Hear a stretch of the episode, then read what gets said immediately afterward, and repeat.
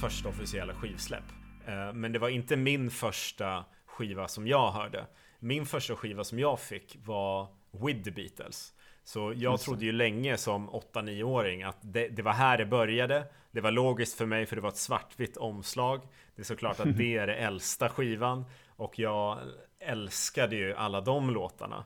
Men sen kom det ju fram för mig att det finns ju en annan skiva som heter Please Please Me. Och det som är konstigt är att omslaget där vi har de här fyra bitlarna i någon slags korridor på EMI.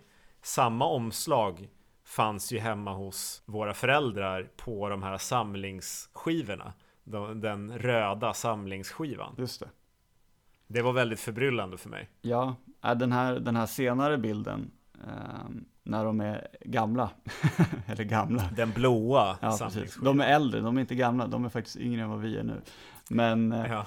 den tog man ju som, om jag inte minns fel, eh, så hade man tänkt att det skulle vara omslag till Let It Be faktiskt. Sen drog ju, eh, ja vi kommer in på Let It Be sen, senare, men den inspelningen låg ju lite på paus ett tag och då slopade man den idén.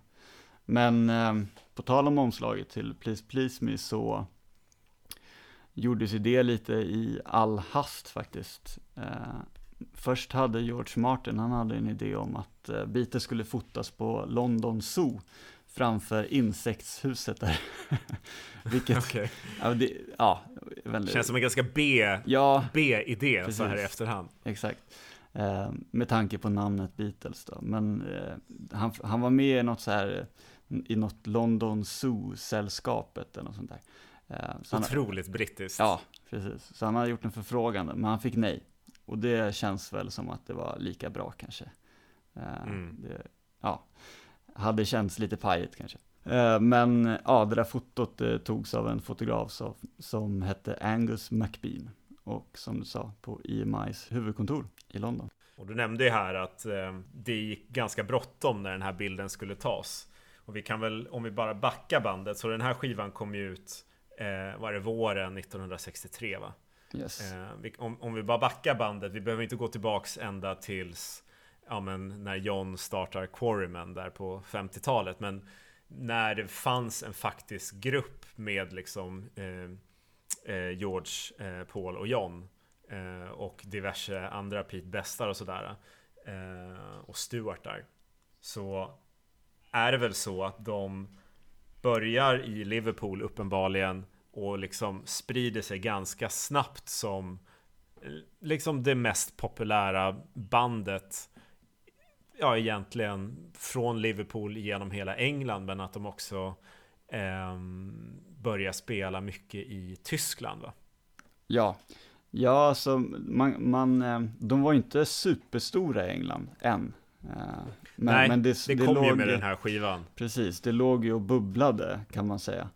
Um, precis, alltså det var väl mycket spelningar liksom, där de harvar runt i någon egen sunkig bil liksom och spelar för kanske så här 20-30 pers eller så här ja, små precis. små ställen och pubbar och marknader och allt möjligt. Ja, men precis. Små ställen runt om i England. Ja, exakt och där är det värt att nämna att de blev ju otroligt samspelta under den här tiden som vi kanske var inne på lite tidigare men eh, det, det, som också utmärkte dem var ju att de eh, tidigt började skriva egna låtar, ja, främst eh, eller bara Paul och, Paul och John där egentligen. Ehm, och det var ju väldigt ovanligt vid den här, vid den här tiden. Det var ju viss, några artister som gjorde det. Um, Roy Orbison till exempel, han skrev några låtar själv, men merparten var ändå tillsammans med professionella låtskrivare. Så att beat... Och det ska vi också, apropå Roy Orbison, en, en otrolig stor idol för framförallt John Lennon väl? Ja, ja men absolut. Jag fick även turnera med, med honom senare. Mm. Um, och George hade till och med ett band med honom. Uh, ja visst. Senare också. Ett, eh, inte så, de var inte i samma band så länge, Nej. men de fick ett år tillsammans ja, eller något sånt precis. där. Innan han bantade ihjäl sig. Ja. Fick hjärtattack. Traveling Wil ja. Wilburys pratar vi om då. Men... Eh, ja, och det ska vi inte garva åt, nej. Eh, såklart. Nej, eh, vila i Rest in peace. Roy Orbison. En av de absolut bästa rösterna i rockhistorien. Otrolig röst, och jag tror, nu blir det sidospår här, men jag tror John Lennon han är ju känd för att ha haft eh, väldigt mycket komplex för sin sångröst, vilket är helt sjukt, för han är ja. enligt mig världens bästa sångröst. Jag kan ju tänka mig att han jämförde sig några gånger med Roy Orbison. Ja, ja, men eh, han försökte ju se ut som Roy Orbison också med de glajjorna, solglajjorna på scenen och, och sånt där. Så att, ja. eh, det är ingen tvekan om det. Men som du säger, de, de, de började ju få en extrem erfarenhet och eh, blev samspelta som tusan även fast de var ganska unga. Alltså vad kan de, de var runt 20 liksom. Ja, och började få en, en ganska stor katalog av egna, egna låtar som de spelade live tillsammans med mm. några covers då som, som de gjorde egna versioner av och gjorde väldigt bra också. Mm. Och det kan vara, alltså redan här, de var ju otroligt tidiga som du nämner, att dels skriva sina egna låtar, yes. eh, men också göra eh, ta inspiration av ja, men, eh, liksom svart musik från, från USA. Yes. Eh, som de älskade och som de på något vis tog till, eh, till sin egen. Vilket jag tycker man hör supermycket på också deras stämsånger mycket. Ja, ja men verkligen. Är, vi kommer ju till det, men det är på Please Please Me så är flera av de eh, coversna som är med på den skivan är ju av eh, svarta amerikanska artister ursprungligen. Um, mm. Det finns ju ett, eh, ett, eh, ett citat också av Little Richard. Um, där han har sagt, eh, där han sa i början av Beatles karriär att han aldrig hade hört ett sånt där sound från engelska eh, musiker förut och att eh, om man inte hade sett dem med sina egna ögon så hade han trott att det var eh, en färgad grupp från, från staterna helt enkelt. Och det där, det där säger ganska mycket med hur om man sätter det i kontext till hur det såg ut i musikvärlden där och då. Alltså, det var ju väldigt mycket trallande orkestrar som spelade familjemusik ja. runt om på radio. Och sen så kommer det fyra samspelta tonåringar som sjunger liksom snabb popmusik och rock'n'roll. Och som har liksom, de kommer ju från en bakgrund där de har uppträtt i liksom skinnpaj eh, på Hamburgs smutsigaste scener eh, i flera år. Och, och redan liksom börjar gå på, på, på liksom uppåtpiller och alkohol som, yeah. som liksom tonåringar. Alltså de var ju det, det som sen kom igen på slutet av 60-talet med Eh, experiment, börja experimentera med droger och, och sådär. Det höll ju Beatles på med, med tidigt liksom. De, de, de var ju eh, de var först med mycket. Ja, ja men absolut.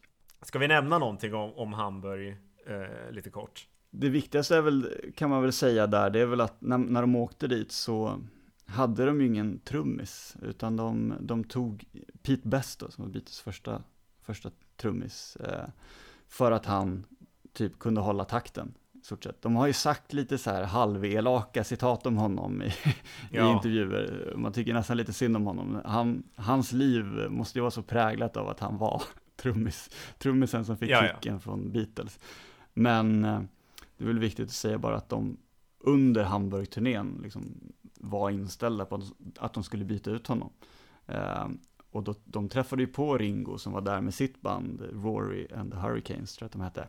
Eh, mm. Och han hoppade även in och spelade med Beatles, så det är klart att det kan vara en efterhandskonstruktion, men de, har, de har ju sagt att det kändes rätt där och då när Ringo satt med dem och, och lirade.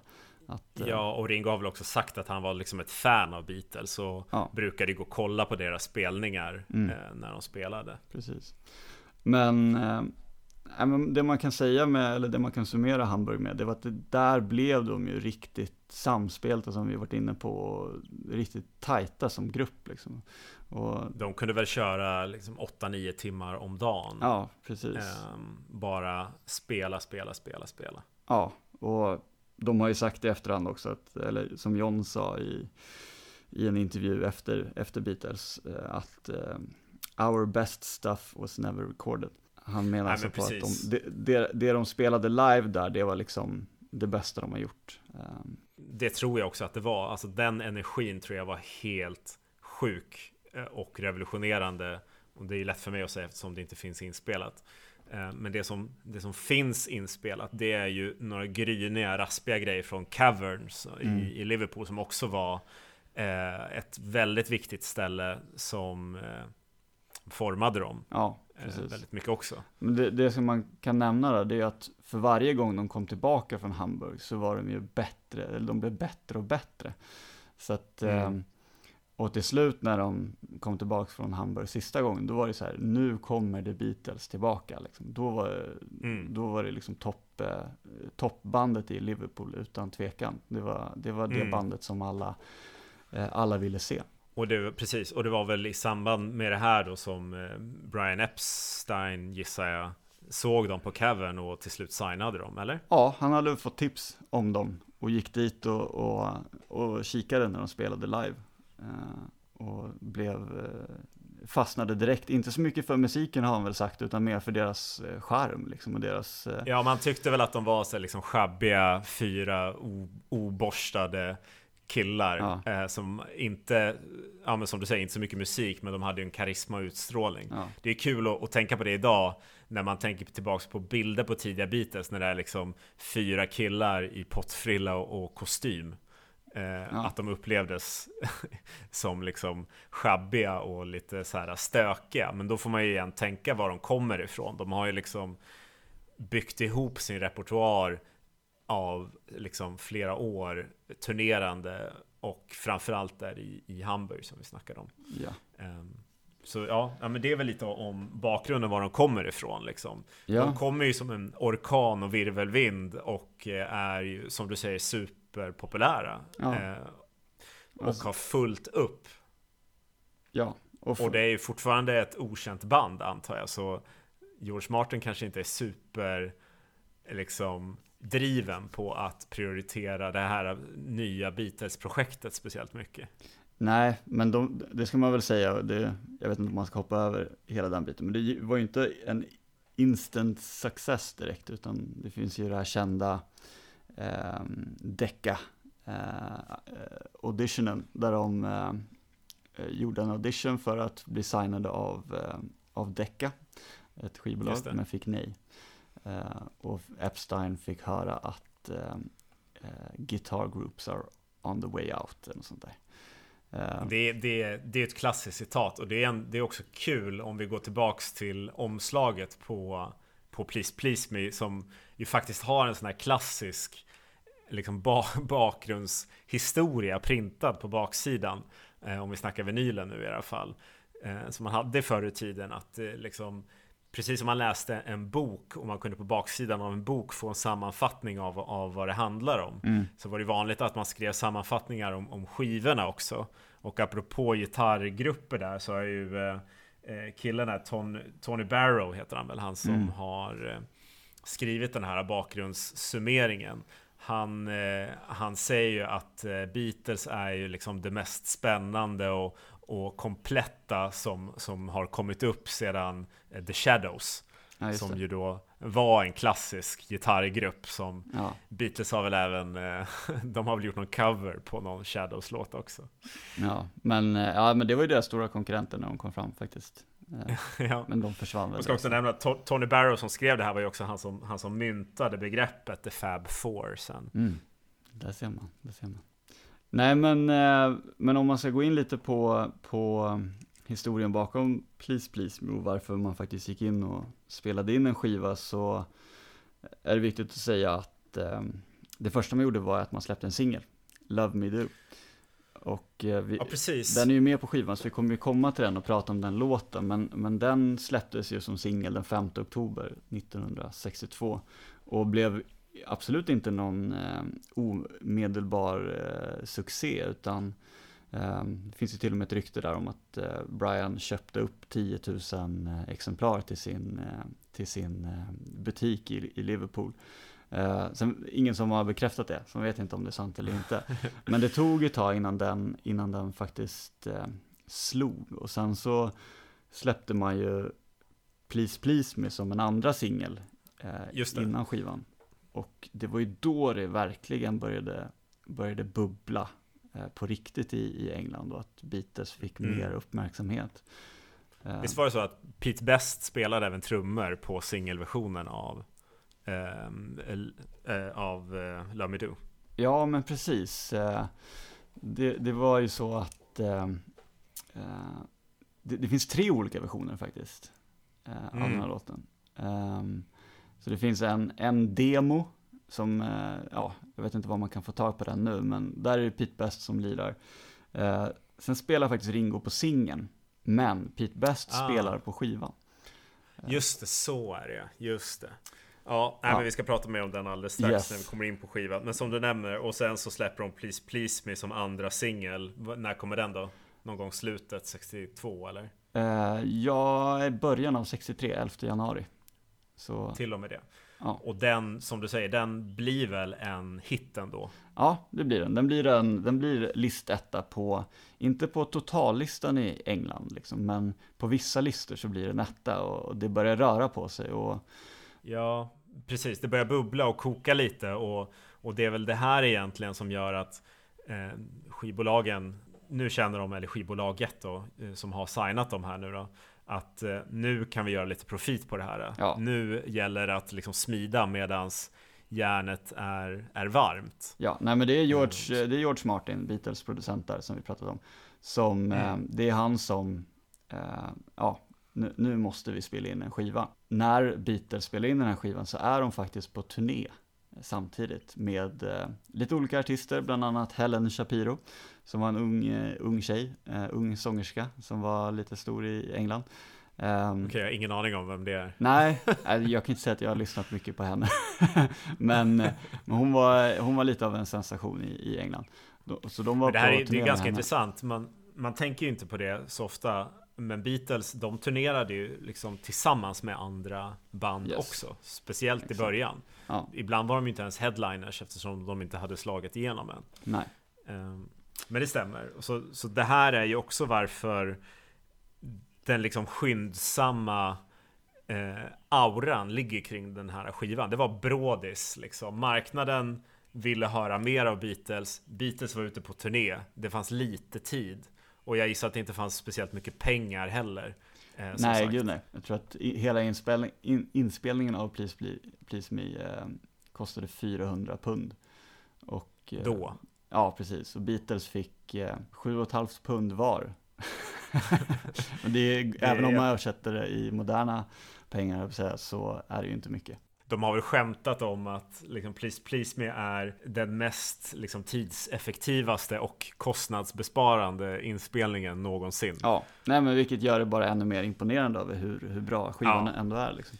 Ja men det säger ju ganska mycket om hur samspelta de var. Alltså det krävdes ju inte jättemånga tagningar per låt för att få det att, att sitta. Nej. Alltså de körde väl egentligen bara sin setlist där och då. Ja. Eh, eller de byggde från den liksom.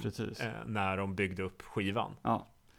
Um, men det, det som var eller... unikt med, med inspelningen också, det var ju att de hade så pass många egna kompositioner med på skivan. Det, det var ju det som var väldigt ovanligt. Det var ju helt unikt i i hela musikvärlden faktiskt på den här tiden. Mm. Och det är många band eh, som bildades under den här tiden som senare har sagt att de blev inspirerade av Beatles för att eh, Beatles skrev sina egna låtar. De var liksom en, de var en grupp, de var inte um, de hyrde inte in massa sång, låtskrivare som skrev deras låtar utan de gjorde det själva och det, det måste man ju, det är svårt att se i den kontexten nu men man kan ju bara föreställa sig av, över hur hur häftigt det måste varit. Att säga, wow, de här ja. gör allt själva liksom. Ja men verkligen, och också att de inte hade studiomusiker på det sättet. Alltså visst, Nej. George Martin hjälpte väl till att kanske spela piano på någon låt när det saknades liksom fysiska händer. Men i övrigt så är det ju de som redan från början här som, eh, ja men, från 20 till 23-åringar skriver, eller har som ambition att skriva och spela musiken själva. Eh, i en tid då ingen annan egentligen gjorde det. Ja. Det är ju också en av anledningarna varför Alltså den här skivan blev väl en, en liksom succé. Ja. Den blev väl Englands etta ganska snabbt. Jag kommer inte ihåg exakt hur lång tid det tog, men eh, det blev den ju definitivt. Um, och den var väl egentligen Tror att den blev på topp listetta 6 juli, kanske? Okej. Okay. Nej, nu bara gissar jag. ja, Nej men den, eh, den blev ju eh, listetta i alla fall och, och den stannade väl egentligen där tills den blev ersatt av deras nästa skiva With the Beatles. Ja. Eh, så liksom det var ju den här skivan är ju så historiskt viktig för en Beatles-älskare och egentligen för all populärmusik eftersom det var här det breakade för Beatles och det var här tåget liksom började rulla som sen höll på egentligen till ja men slutet på 60-talet, 1970 egentligen. Ja, precis. Ja, men så var det, definitivt. Har, har vi något mer vi vill nämna om själva skivan? Nu har vi pratat lite om omslaget och bakgrunden och ja, vi pratade tidigare om att det var ju väldigt enkel inspelningsutrustning. De körde tvåkanalig inspelning. Bara Beatles som spelar instrument så vitt jag vet. Jag George, George Martin äh, George Martin spelar piano på någon låt. Yes. Nej, men det man kan säga är ju att eh, eh, det som är värt att nämna med tanke på att vi varit inne på hur eh, hur pass kända Beatles var då för sina livespelningar, det var ju att eh, eh, George Martin faktiskt hade planer på att spela in skivan live framför en publik på The Cavern. Um, Just det. Och det, det, gick ju så långt att han faktiskt var där och, och rekade på, på The Cavern för att kolla liksom hur man skulle göra. Och det, ja, det är både synd och, och, bra kanske. Det hade kanske inte blivit så, så bra ljud kan jag tänka mig, jag vet inte. Alltså jag, jag tänker Men... på, eh, du vet från Antology 1, är det är inte den här Some the Guy ja, som är från precis. covern? Det låter ju, mm. nu är inte det någon proffsig inspelning, men det låter ju inte bra. Alltså. Men det hade ju varit häftigt att höra det liksom, så det är ju lite synd. Ja, det hade varit att, sjukt häftigt. Att de inte gjorde ett försök i alla fall. Eh, de hade fått ja, kunna göra ett försök och sen spela in skivan igen. men det man kan säga är att även fast han inte spelade in den live på covern så är det ju fortfarande liveinspelning i studion. Ja, det, alltså det fanns ju inte, det finns ju inget utrymme på den här tiden att så här, idag ska vi bara spela in gitarrpålägg. Nej. Sen kommer vi tillbaks imorgon och bara spelar in sång. Utan de körde ju, när, när de pratar om tagningar så är det ju att de alla spelar tillsammans ja. eh, hela låten i varje tagning. Exakt. Ja, vad spännande. Ska vi, eh, ska vi eh, ge oss igång med skivan då? Och, ja. och börja lyssna igenom och prata igenom låt för låt? Det tycker jag. Och vi börjar med... Ja, I saw her standing there. One, two, three, four. Yes. Och det är intressant att du säger det, för det är ju Eh, skivan inleds ju med eh, Paul McCartneys nedräkning där. Och det kan ju ha varit i ett försök att få det att låta live, helt enkelt. Att, eh, det, det, ger ju skivan en, en liten inramning. Eh, det är nästan som att man trycker på play och sen är det fullt ös i, i ehm, till sista låten, liksom, i 14 låtar. Jag älskar den, eh, den, när man vet liksom bakgrunden, var de kommer ifrån. Att det är liksom ett liveband. Självklart är det naturligt att man börjar med liksom en inräkning och sen ja. kör man. Jag tror, att, jag tror att man valde att börja med den här låten för att det här var liksom eh, det var en av Beatles eh, mest spelade låtar live. Eh, tillsammans med Some the Guy som du nämnde tidigare. Mm. Så den här var de ju väldigt trygga med att, att spela. Tydligen så när de spelade den här live så kunde den var upp till tio minuter lång faktiskt. Att de la in massa olika gitarrsolon och ja. Men den är ju väldigt, alltså väldigt ösig för att vara från 1963. Det ja. är ju verkligen en, en, en liksom rock'n'roll låt. Ja. Jag älskar den här låten ska jag säga. Jag tycker den är som klassisk, bara perfekt, liksom straight forward tidig Beatles-låt. Jag tycker den är grym verkligen. Ja, den är, den, är, den är riktigt bra. Och det är också, det roliga är att det är en av de eh, tidigare låtarna som de skrev också tillsammans. Så det, det är mest en, en Paul-låt. Så... Ja, och, han, och det, är väl, det är väl här det börjar också att Även om de alltid ger credit till eh, Lennon McCartney som låtskrivare så är det ju redan från början en person som har liksom stommen och det mesta av låten och det är också samma person sen som oftast sjunger låten också. Ja, med några få undantag faktiskt på den här skivan, men så är det Sen kan man ju nämna på grund av det då, att på den här skivan så är faktiskt eh, eh, så står det i ordningen McCartney-Lennon istället för Lennon-McCartney som blev, eh, eller som är känt över hela världen liksom, som de två bästa låtskrivarna. Det stämmer. Um, så på den här skivan så är det, vad säger man, credited till McCartney Lennon. Men det, det lät lite bättre faktiskt, Lennon McCartney som valde att gå på det. Men initialt så hade de en idé att de skulle eh, mixa. Så att på ena skivan stod det McCartney Lennon och sen stod det Lennon McCartney, sen McCartney Lennon. Men ah. de valde att gå på Lennon McCartney för att det, ja, det, det är lite bättre flow i det helt enkelt. Ja men det är det ju. Men ja. då har vi alltså första låten på första skivan som är en Paul-låt och det är Paul som sjunger ja. på första, första spåret ja. och det står McCartney Lennon. Hur tror du John Lennons ego reagerade på det här? Det var ändå hans band. Ja, jag vet inte riktigt. Alltså det, det är också lite intressant trivia där att eh, George Martin, när han tog hand om Beatles så, så tyckte ju han att bandet behövde en frontman. Då, hade, då såg han ju framför sig att det skulle vara Paul.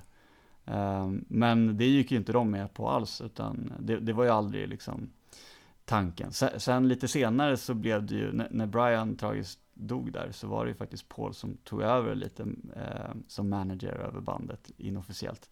Men eh, på den här tiden så tror jag att de eh, jag tror absolut att, att det fanns en rivalitet mellan Paul och, och John redan här. Det finns ju ja. vittnen som säger. Men, eh, men de jobbade ju lite mer tillsammans på låtarna här. Och just, just I saw her standing there så, så var det en Paul-komposition. Men troligtvis hjälpte John till lite. Ja, och det var väl naturligt på den här tiden. Det där har de ju pratat om, liksom varför de började skriva på egen hand. Alltså när under de här åren så de satt ju liksom i samma bilar och de hade inte så mycket pengar så de delade ju alltid hotellrum. Alltså de var ju tillsammans så väldigt mycket. Så då var det också naturligt att ja, men Paul kanske hade en liten snutt, spelade upp den, John kom med något tillägg ja. eller antingen bidrog eller bara liksom gav positiv kritik och sa att han skulle stryka något eller en liksom gliring för att ändra texten. Ja men precis. Som... Känt i den här låten var ju att eh, tydligen så gick ju originaltexten eh, She was just 17, never been a beauty queen. Eh, och det, okay. det, blev, det blev Paul tydligen hånad för lite grann. Så ja, med rätta ja. ska vi säga tycker jag. Det är en lam text. Alltså min, min favorit i den här låten är ju just det här You know what I mean. Ja. Bara, bara det tycker jag känns så extremt modernt att ens säga de orden. Och det, det öppnar så mycket för en tolkning. Jag, jag har ingen aning om vad, vad det kanske betyder.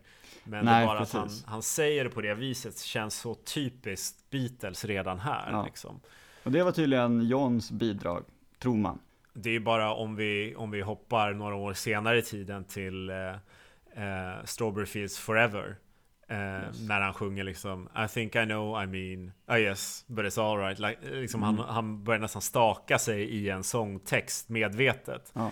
Det blir ju något slags flytande talspråk redan här. När man säger She was just 17, you know what I mean. Ja. Det är coolt ju. Ja, Nej men den här låten, den var jättepopulär live. Och man kan ju förstå det, alltså Beatles hade ju tidigt en, en eh, publik, både, både tjejer och killar. Men eh, mycket tjejer, mycket unga tjejer. Och alltså det är ju klart att de blev helt tokiga när de hörde den här låten. För den talar ju verkligen till, till dem också. Uh, ja. Så att, ja men en, en, stark öppning på skivan, definitivt. Det var I saw her standing there. Ska vi gå vidare till spår nummer två på sida A? Ja, på den här skivan. Misery, yes. Också en, eh, en McCartney Lennon-komposition, en egen, en egen låt. Yes, och där har vi John Lennon som introduceras. Här är väl han som, som har första stämman. Ja men det stämmer. Och jag tycker man kan nämna det också att jag tror att i början av Beatles karriär så var det Johns lite riviga rock'n'roll-röst faktiskt som var det som var mest signifikativt för Beatles. Det här är hans första sånginsats på, på skivan och det är ganska klart att det här är, är en, eh, ett, en låt de skrev ihop. Uh, och det gjorde de när de var på turné med just Helen Shapiro, som jag nämnde tidigare. Just det. Just och de skrev den faktiskt till henne. Men när de erbjöd den här låten till, till hennes manager så sa han nej. Han vill inte ha den. Ja. Och uh, sen, lite senare blev det faktiskt den första Beatles-skrivna låten som spelades in av en annan artist vid namn Kenny Lynch. Aldrig hört den versionen faktiskt, men Nej, inte jag heller. Okej, okay, men det visste jag inte. Så det här är alltså Beatles första låt som sen blev en cover ja. Eh, av en annan artist. Exakt. Med det i åtanke att den skrevs till en annan arti artist mm. gör att det, det, känns, eller jag vet inte om det är den vetskapen som gör att jag tänker så, men det känns inte riktigt som att de tar den här låten på 100% allvar under inspelningen. Jag håller med, alltså det här är inte en av mina favoritlåtar. Ehm, den, som du säger, man märker att det inte är en låt som de har haft i sin repertoar och kört så mycket tillsammans tidigare. Nej. Du har, eh, ja men dels så har de ju George Martin på, på piano ja. um, i den här låten. Uh, vilket de inte brukade ha på sina livespelningar. Nej men precis.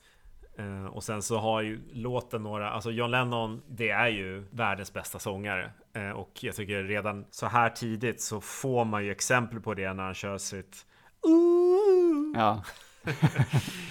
ja men det, det, det, är också en favoritdel i låten för mig. Men jag tycker om man läser texten till den här låten så känns mm. den nästan lite ironisk. Alltså, uh, the world is treating me bad, misery. Um, ja. I'm the kind of guy who never used to cry. The world is treating me bad, misery. Um, mm. It's gonna be a drag. I've lost her now for sure. Och jag tror att den, den känns ju också som ett liksom en dag på jobbet låt. Ja. Liksom. Det, det, här är ju en sån här typ av låt som de kunde liksom rapa upp på beställning nästan. Ja, en, en McCartney Lennon-komposition som sagt, en egen låt, men kanske inte den bästa på skivan. Ska vi hoppa in på nästa låt? Ja. Eh, den första covern på skivan.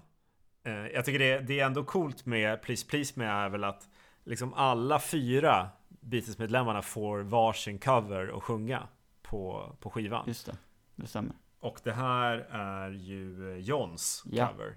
Eh, vi pratar om Anna, Go to him. Yes. Nej men det här var, det här var faktiskt en, en favoritlåt eh, för mig när jag var, när jag var liten.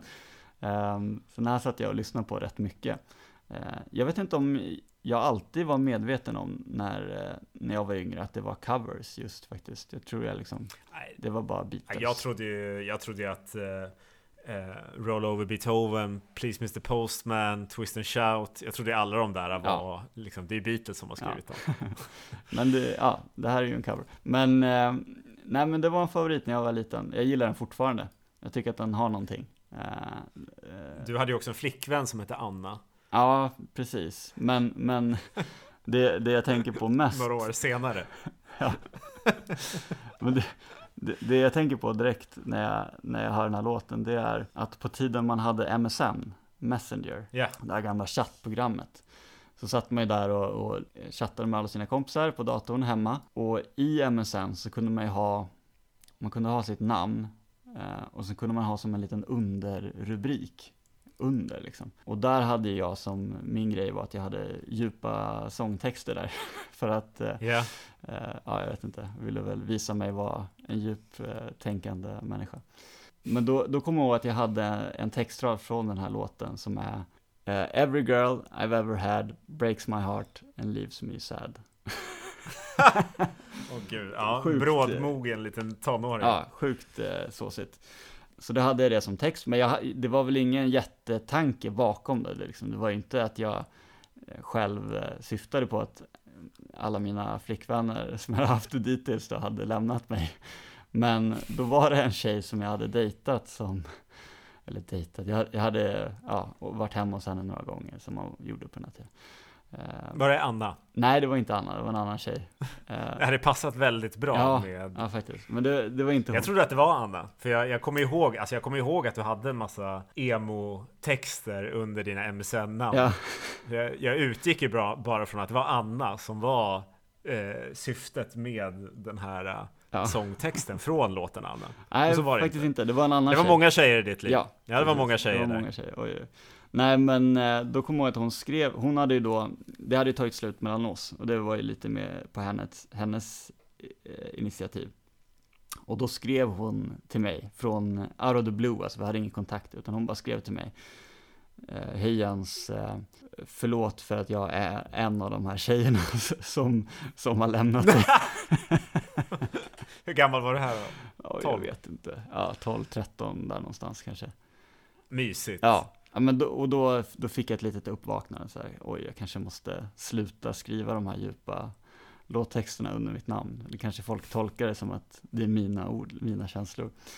Um, men ja. Försökte du att renommé snylta textförfattaren till Anna Go To Him som hette Alexander. Arthur Alexander. Och det var även han som, han som sjunger den också. Ja men tillbaks till, eh, till låten. Ja. Alltså jag tycker det här är en klockren cover av, av John och man märker att han verkligen gillar den här låten. Det, det är ju så tydligt det här som vi pratade om att de var så influerade av, av svart musik. Mm. Alltså det här är väl en liksom, klassisk tidig liksom R&B sång egentligen. Ja, som, som John älskar och gör en, en, riktigt jävla bra version av. Ja. Jag älskar det här uh, All of my life I've been searching Ja. Allt det där.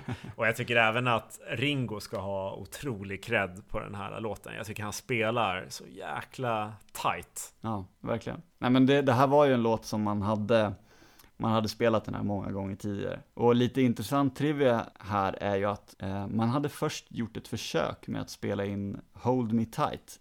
En låt som senare hamnade på With the Beatles, alltså nästa skiva. En grym låt också. Ja, så man hade gjort en massa försök för att spela in just Hold Me Tight, men man fick inte, man fick inte till den. Så då gick man över till, till att spela den här som man visste att man hade bra koll på.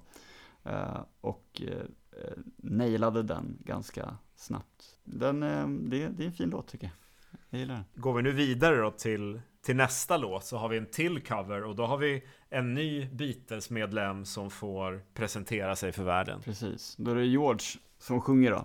Med sin fruktansvärt grötiga Liverpool-dialekt. Ja. Jag måste säga att... Ja. Chains! Jag måste säga att jag är sådär imponerad av, eh, av den här låten. Ja, nej, det här har aldrig varit en, en, en stor favorit hos mig heller faktiskt. Det, det känns som att de aldrig riktigt fick till den, kanske inte la så mycket energi på den. Eh, men, men det, det som är intressant då, det är att det här är ju en, eh, en eh, Goffin King-låt eh, som eh, spelades in av eh, ett band som hette The Cookies. Mm. Också ett band med färgade eh, kvinnor som sjunger trestämma. Passar ju Beatles jättebra också. Ja men verkligen. En grej som är värd att nämna där också som, som vi kom, säkert kommer komma in på senare också, det är att Beatles var ju otroligt bra på att sjunga stämsång. Ja, verkligen. Just den här låten kanske inte är det bästa exemplet på det. Här, jag tror att de sjunger tvåstämmig sång i den här, om jag inte minns fel. De har ju McCartney och Lennon på stämsång. Och så George på, på eh, vanlig sång, om det heter så. Ja, ja men precis. Ja, men man hör ju, man hör ju mycket i, eh, det är några sådana här Wow, yeah! Mm. Alltså det är mycket sånt där som händer i bakgrunden ja. också. Men jag tycker att om man lyssnar på originallåten faktiskt, med The Cookies. Jag har inte hört den. Nej, men jag tycker att den har lite mer, den har ett lite bättre gung i sig faktiskt. Ah. Okay. Anna, för annars tycker jag det som Beatles är så bra på när det gäller covers är att de de gör alltid till sin egen låt. Ja, och nej, i vissa fall nästan bättre än originalen. Ja. Det här, kanske, det här kanske är ett undantag faktiskt. Jag tycker att, eh, ja men du får ta och lyssna på, på originalet där med The Cookies. Ja men jag tycker vi ehm. lägger väl ut den i, i våran spellista sen. Ja, så vi kan absolut. jämföra originalet med Beatles-versionen. Men eh, här har jag en åsikt också, att den här låten hade man kunnat byta ut mot en annan cover som de, eh, en Goffin King-låt också som de spelade ofta Beatles live, som heter Keep Your Hands Off My Baby. Det är ju dock John Lennon som, som sjunger den. Den har jag hört några gånger. Vad finns den med? Finns den med på Antology eller något sånt där? Det är möjligt, men den, den finns ju med på någon inspelning eh, av ett BBC, eh, av en BBC-spelning ja, man gjorde. Jag tror ja, ja, ja, att den, just det. Den, känd, alltså, den enda kända inspelningen är en avspelning av uppspelningen på en radio. Alltså någon spelade av eh, eh, radioprogrammet hemma Och det är den enda ah. kända inspelningen. Därför finns den bara i ganska dålig kvalitet. Men det finns Just. en version, um, om man går in på Beatles officiella uh, YouTube så kan man ju hitta den uh, mm. låten där. Men då har den en överdubbad bas, alltså som är pålagd i, i efterhand. Liksom. Ah. Uh, men den låten tycker jag hade passat in bättre på skivan. Jag håller med dig om att man hade absolut kunnat byta ut den. Men ja, samtidigt är det fint att få en första George introduktion. Men, ja, men det är också tydligt att redan från början så får ju stackars George kämpa i, i uppförsbacke. Ja. Han, eh, han får ju ingen bra start. Nej, eh, precis. Det, det, skulle ju visa sig längre fram också. Att han, han fick ju stå lite i skuggan av Lennon McCartney eh, ett tag. Eh, eller kanske under hela Beatles, eh, Beatles eh, karriär. Ja, ja, ja, ända till han fick väl ett, liksom, han fick väl sitt, sitt första singelsläpp med Beatles fick han väl på typ Abbey Road eller något ja, sånt där. exakt. Om vi pratar nästa låt Jens, när vi har våran fjärde Beatles-medlem. Ja. Ringo, Boys. Boys. Det är en till cover på skivan. Här introduceras vi till Ringo som de så ödmjukt och givmilt lät sjunga en låt per skiva. Ja. Och i mina öron så är ju Boys betydligt bättre än vad Chains är. Ja, jag tycker till och med Boys är en, en eh, grym låt. Alltså ja. det är en riktig Alltså han har ju en all respekt till Ringo, jag älskar honom och han är ju världens bästa trummis. Men som sångare är han ju inte superbra alltså. Nej men så här, det här var ju Beatles eh, trummislåt mellan eh, 1961 och 64. Innan Ringo kom in så körde Pete Best den här på, på spelningar och sånt där. Så det, det var också en sån här ah. känd låt som de ofta spelade live. Så det, den är ju inte helt tagen ur luften varför den är med på skivan. Däremot kan man ju man, man kan ju tycka att det är lite ironiskt val, liksom, med tanke på texten och sånt där. Hur, ja, den är ju den är inspelad av en, en tjejgrupp. Ja, det, det, just det, The Shirelles. Yes. Um, gammal klassisk sån, eh, jag vet inte, kallar man det för bebop eller R&B eller vad man kallar det för. Ja, men, uh, ja igen, ins inspiration. Uh, och i det här fallet, ja men som du säger, så valde de ju att behålla texten. Eh, så att det handlar om boys. Ja, och det är lite kul. Det är lite, lite ironiskt på något sätt. Men jag tror att, eh, jag tror den här var uppskattad både av, eh, av publiken, fansen liksom, och och av bandet. Jag tror de tyckte den var lite rolig. Jag måste bara, vänta nu när jag tänker efter. Det är ju en, vadå, när de har ändå bytt lite på texten. För Ringo sjunger ju My girl says when I kiss her lips. Ja, ja men precis. De, Just det. De har bytt ut den grejen ja. faktiskt. Men, men i övrigt så tror jag att de sket ja. fullständigt i ja. om den hette Boys eller Girls. Ja.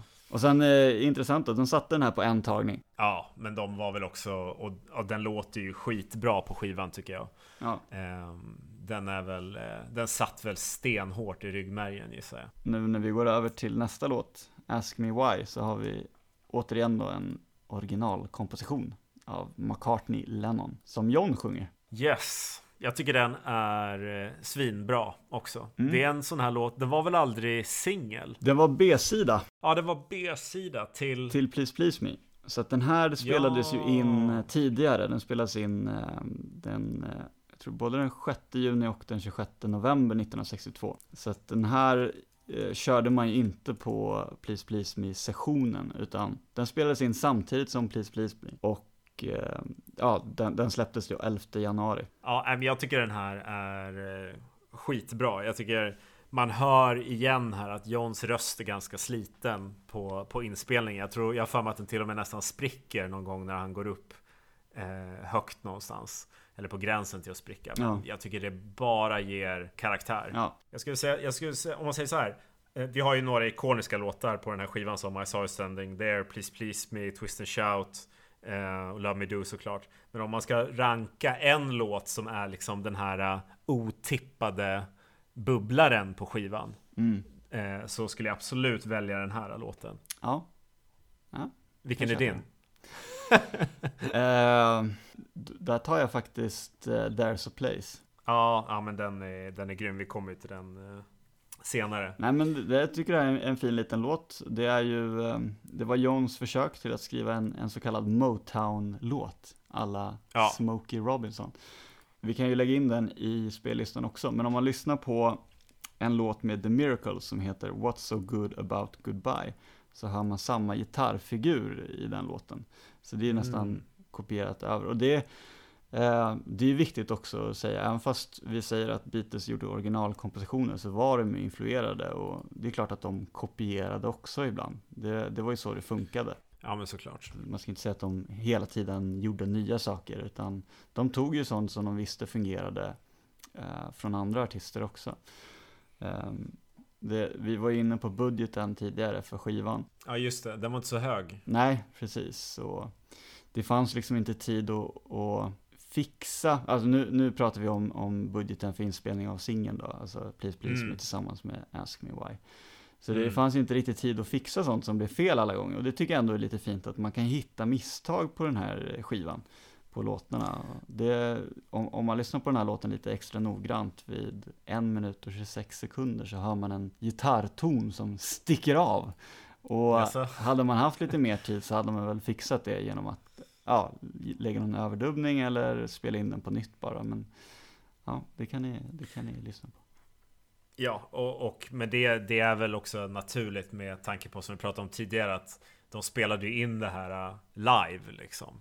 Yes. Eh, det var liksom, sket det sig på en ton så var det ju inte, alltså det var jobbigt för dem då att behöva ta om hela låten från början med alla medlemmar. De kunde inte, det liksom var inget ja. som var inspelat separat för just den här gitarrtonen utan Nej.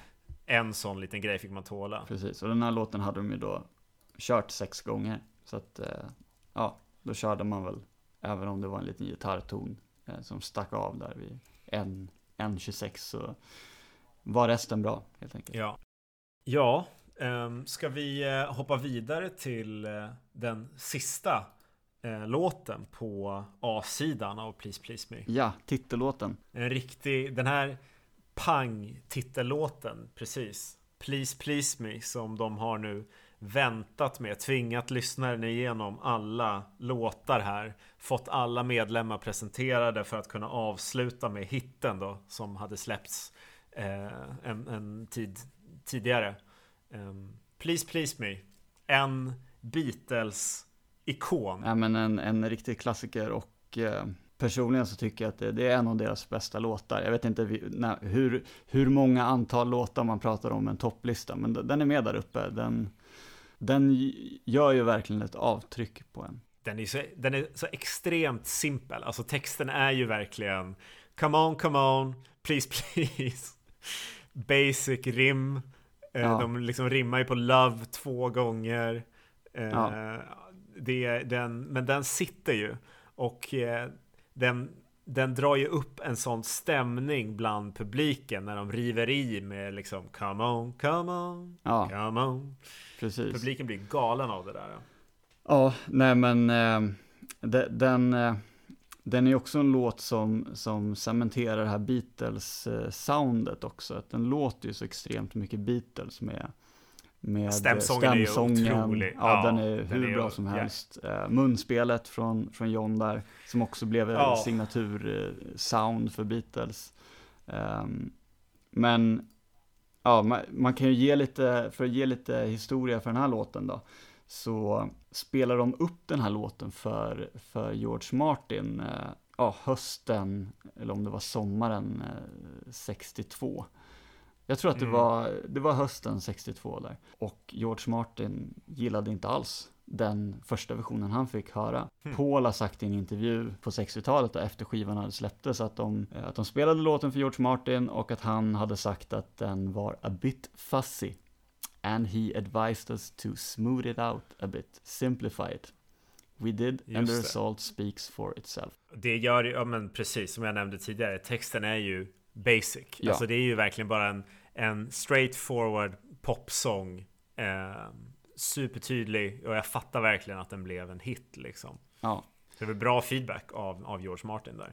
Precis, och det, det är också viktigt att, alltså, ja, när de, när de spelade upp den för, för George Martin så hade de precis spelat in Love Me Do, alltså deras första, första singel. Och han kom med mm. den här feedbacken och de gjorde någonting med den feedbacken. De, de nöjde sig aldrig Beatles, så det, det finns flera vittnesmål från folk som var med i, i studion under, under inspelningen av Beatles skivor som vittnar om att låtarna kunde ju förändras. Alltså nu pratar jag början av Beatles karriär när man när det inte finns så mycket sparat till eftervärlden. Mm. Att låtarna kunde förändras väldigt mycket från första versionen. Och det här, det här har varit intressant att höra den här första versionen av Please Please Me. Men, men slutresultatet är ju eh, otroligt bra.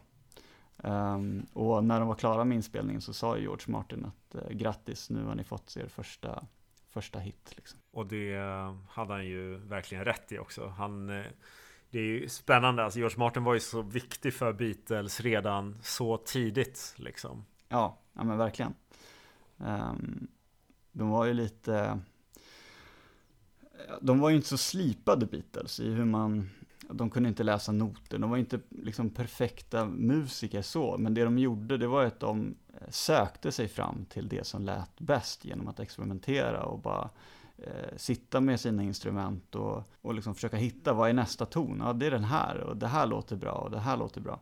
Och mm. vi pratar om stämmorna i den här låten som är fantastiska. Det, det kan man väl ge lite cred till Paul för att han tog in i Beatles, för att hans pappa lärde honom stämsång. Just det, för Paul kom ju från en liksom musikalisk familj Precis. på ett helt annat sätt än vad ja, men John hade som bakgrund exempelvis.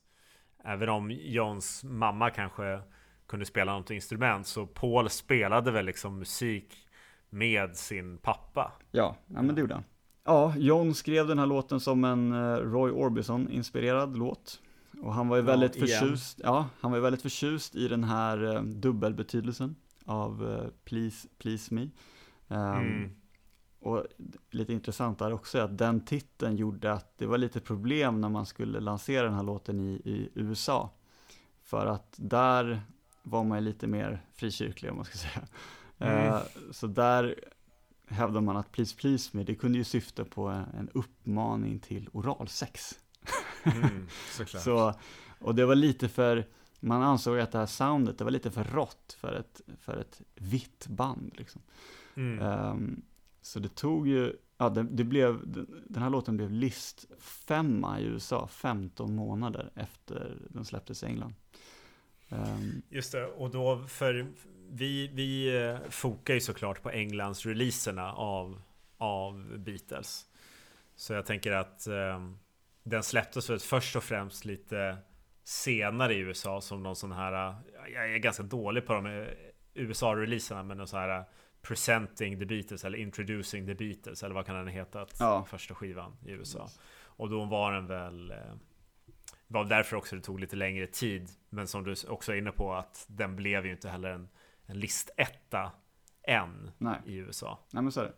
Den ska vara inspirerad av eh, en låt som heter Cathy's Clown av Everly Brothers, tydligen också. Och det som är intressant i den här låten, på tal om de här stämmorna då, det är att John sjunger melodin i låten. Eh, mm. Och Paul sjunger upprepat högt E, precis som basslingan.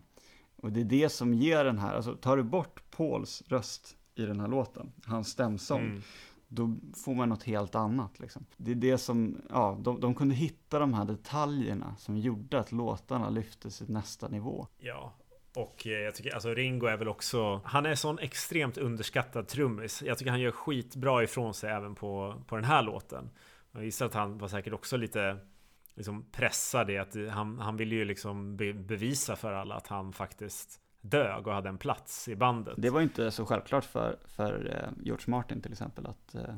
Nej, precis. Alltså George Martin kommer från en värld där, där man verkligen kunde använda sig av studiomusiker. Och om vi nu har två stycken killar som, som framförallt skriver låtarna eh, och sen så har vi en, en tredje kille, George, som är eh, riktigt vass på att spela gitarr också. Mm.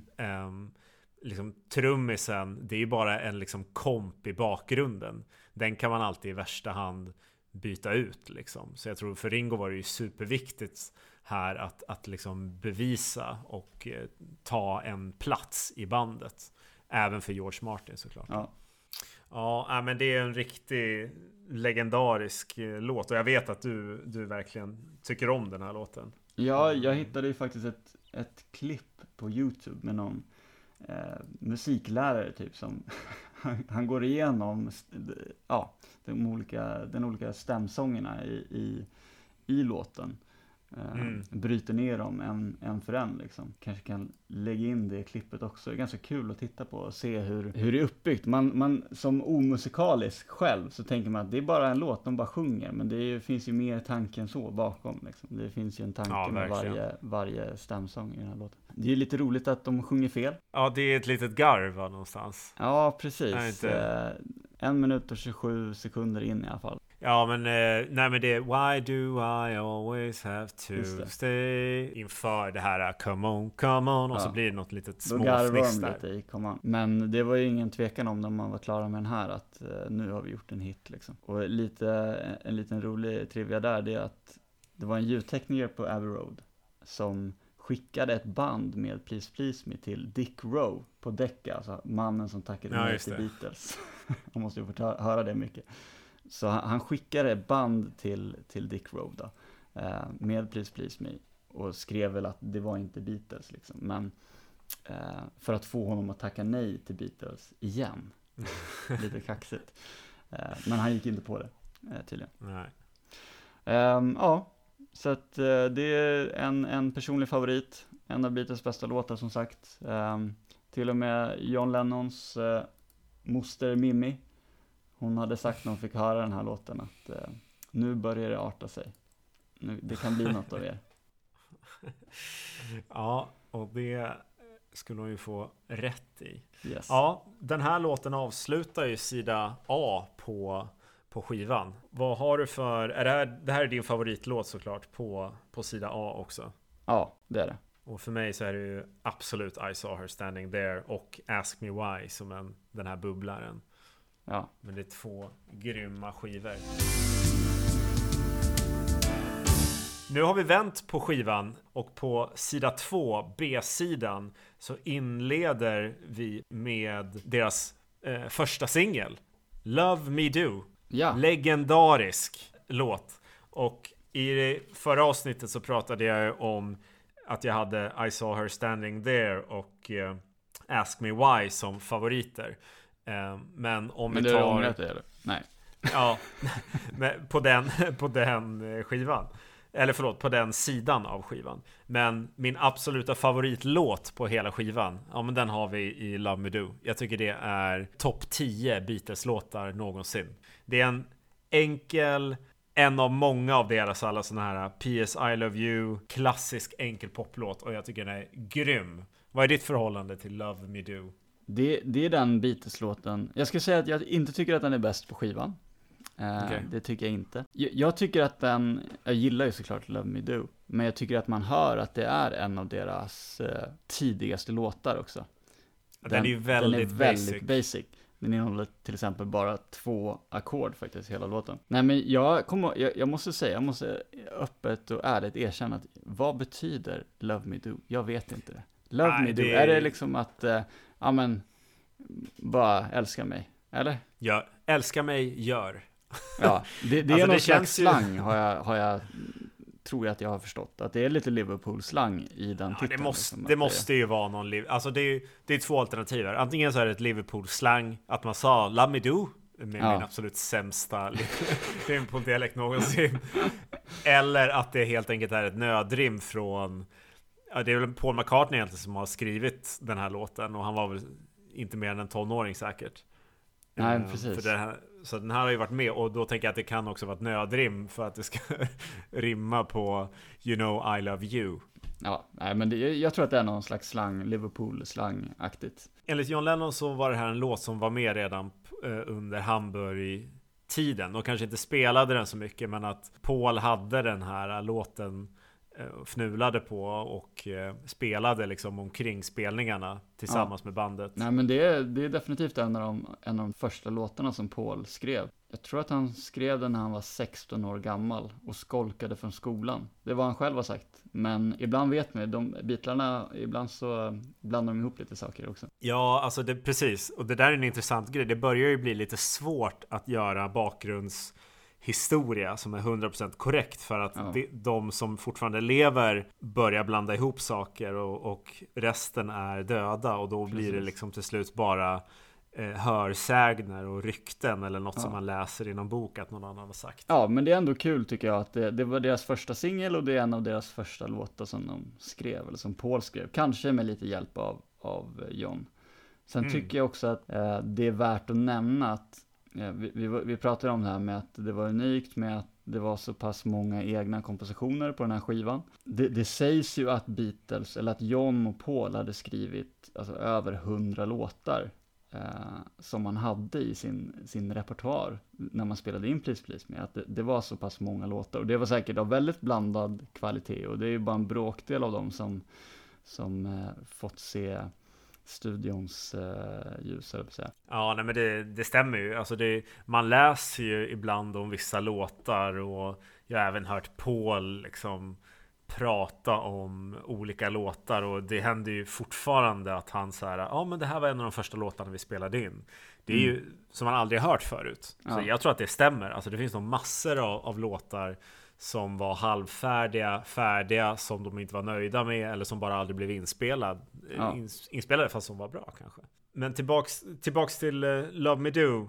Uh, hur var det nu då? Det, det, är väl så här att som sagt, det här var den första singeln och det borde ju då också ha betytt att det här var väl också första gången som de kom i kontakt med George Martin gissar jag. Ja, det, det måste det ju varit på den uh, första sessionen när de, när de skulle spela in den här.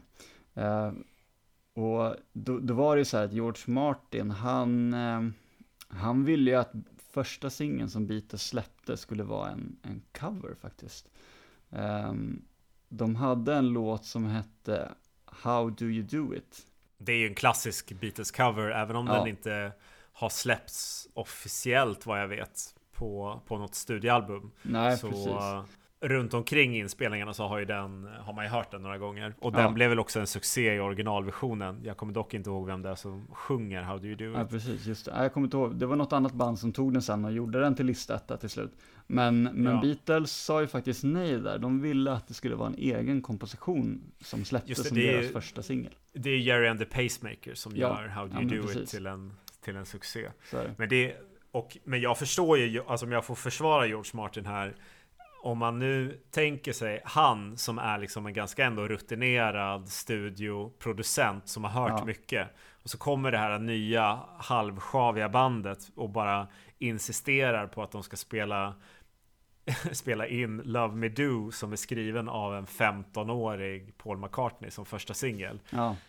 Jag tror nog att George Martin kanske inte blev superimponerad av liksom deras kvalitet som textförfattare då? Nej, men han var nog inte jätteimponerad över låten överhuvudtaget när han först fick, fick höra den. Han, tro, han var nog mer eh, övertygad om att How Do You Do It skulle vara en bättre låt för Beatles att släppa som singel. Men, men de stod ju emot där och, och sen så, ja, när de spelade in den här låten den 6 juni så tog det 15 tagningar att sätta, att sätta den. Och till slut så var ändå George Martin övertygad om att om att det skulle bli deras första singel och det hade mycket med att göra med att han till slut då hörde det här eh, unika i den här låten som den faktiskt har. Den har ju det här munspelet som blev en del av Beatles-soundet här under den tidiga, tidiga åren. Jag måste säga, jag, jag älskar ju munspelet och det här är varför det här är favoritlåten för mig på hela Please Please Me. Jag tycker John Lennon gör sånt otroligt bra eh, munspel. Det är så personligt, det är lite skrikigt men det är ändå så genomträngande. Och jag tycker det är trist att de inte använder munspelet mer eh, i senare inspelningar. Han tröttnar väl John på att spela kanske? Ja, han kunde inte sjunga samtidigt. Nej, men intressant där med, med eh, att du säger att han inte kunde sjunga samtidigt. För att när de spelade den här live tidigare och kanske även när de försökte spela in de första tagningarna, så hade George Martin, eller förlåt, John Lennon var den som sjöng den här lilla biten, Love Me Do. Mm. Och han aldrig sjunga klart, så han sjöng alltid Love Me, och sen började han sjunga munspelet. Ja. Eh, men det, det beslutade George Martin att det funkar inte, för att då hör man ju aldrig själva Nej, titeln. men exakt. Eh, men tydligen när de körde den live så, så var det så det var. Och eh, de som hörde det tyckte ju såklart att det var en, eh, överlägset mycket bättre version. Ryktet är att eh, munspelet som han använde på inspelningen snodde han i Amsterdam. Mm. Jag vet inte om det stämmer.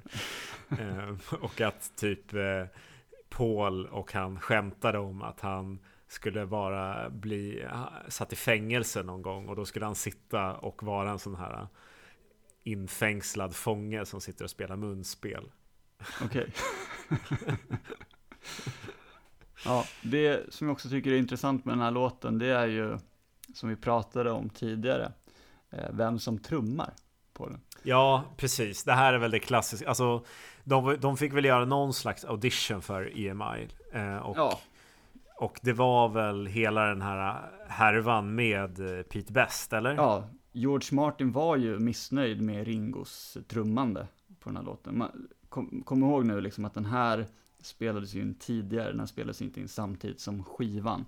Utan Nej. den spelades in eh, 6 juni, men även 4 och 11 september 1962. Han var, han var missnöjd med, med Ringos trummande, kanske hade han inte liksom riktigt sett eller fått upp ögonen för Ringos storhet, som var hans intuitiva takthållande. Eh, mm. Som man, ja, eh, som man hör på, på andra låtar på den här skivan och, och även framöver i Beatles karriär. Sen sägs det också att eh, Paul, eh, Paul också var missnöjd, men det är väl obekräftat. Man intervjuade en, en chefstekniker som hette Ken Townsend och han har sagt att, eh, att George Martin ansåg att Ringo hade misslyckats med att låsa bastrumman till basgitarren. Att det, det blev fel där. Så att, eh... Förnedrande, men alltså ja. till Ringos försvar så Eh, när sa vi att det här var någon gång kring 1962? Ja. Alltså ah, hur, hur länge kan han ha spelat tillsammans med gruppen? Liksom? Det är klart att de var osynkade med varandra. Han hade ju inte ens spelat med dem så länge. Nej, precis. Ja men så är det ju. Men, eh, så det finns lite olika versioner av den här låten. Ja, den jag, jag vet så Det finns en med Pete Best, den tror jag är med på Anthology också. Um, mm. Och sen så finns det en med Ringo Ja. Och den är den som är med på skivan va? Det var väl det du sa tidigare? Nej, tvärtom. Nej, uh, fan. Alltså jag kommer aldrig lära mig den där. På skivan, på, på skivan så är det Andy, Andy White. Så här var det, Pete Best, han är inte med i leken längre. Han har ju fått kicken från Beatles. Eh, innan det här. Så är det. Just det. Men han, han, var ju, han var ju fortfarande med. Han har ju spelat in låten någon gång. Ja, precis. Uh, han, han har gjort en demo, Pete Best. Ja, uh, och det är den som är med på Anthology. Det är precis, så är det. Så demon, då är det Pete Best, den är med på Anthology. Och sen så spelade man in eh, en singel och på den så är det Ringo som spelar. Eh, men på skivan så är det Andy White som var en studiomusiker som George Martin hyrde in för att eh, han tyckte att Ringo inte grejade. Just det, så var det. Men sen, det får man väl säga också att till slut så upptäckte ju George Martin att Ringo faktiskt var en fullt duglig trummis som dessutom var väldigt bra för Beatles och deras sound. Ska vi hoppa vidare till spår nummer två på sida B på Please Please Me. Då har vi en, eh, en eh, Paul-låt framförallt va? PS I Love You. Så är det. Och även den andra låten på skivan som Ringo inte trummar på. Utan här är det Andy White. Precis, och det är väl också för att den här låten var väl en sån som jag tror var med under hela demoperioden. Ja men precis, eh. den, den spelades ju in samtidigt som Love Me Do. Och även B-sida på Love Me Do-singeln. Ja. Här fick eh, Ringo ställa sig med, eh, med maracas. ja. Jag tycker att Paul gör faktiskt grymt bra ifrån sig som sångare på den här låten. Han, jag tycker han visar, alltså han, han går upp och han går ner. Ja. Uh, you know I want you to. Exakt, ja men stabil sånginsats verkligen. Ja, det är en typisk Paul McCartney-melodi också. Mm. Han var bra på det, eller han är bra på det, ska man kanske säga. Att hitta lite överraskande melodiinslag. Alltså versen på den här låten, den är nästan lite sorglig på något sätt. Eh, den byter väldigt, väldigt äh, äh, järvt mellan vers och äh, refräng.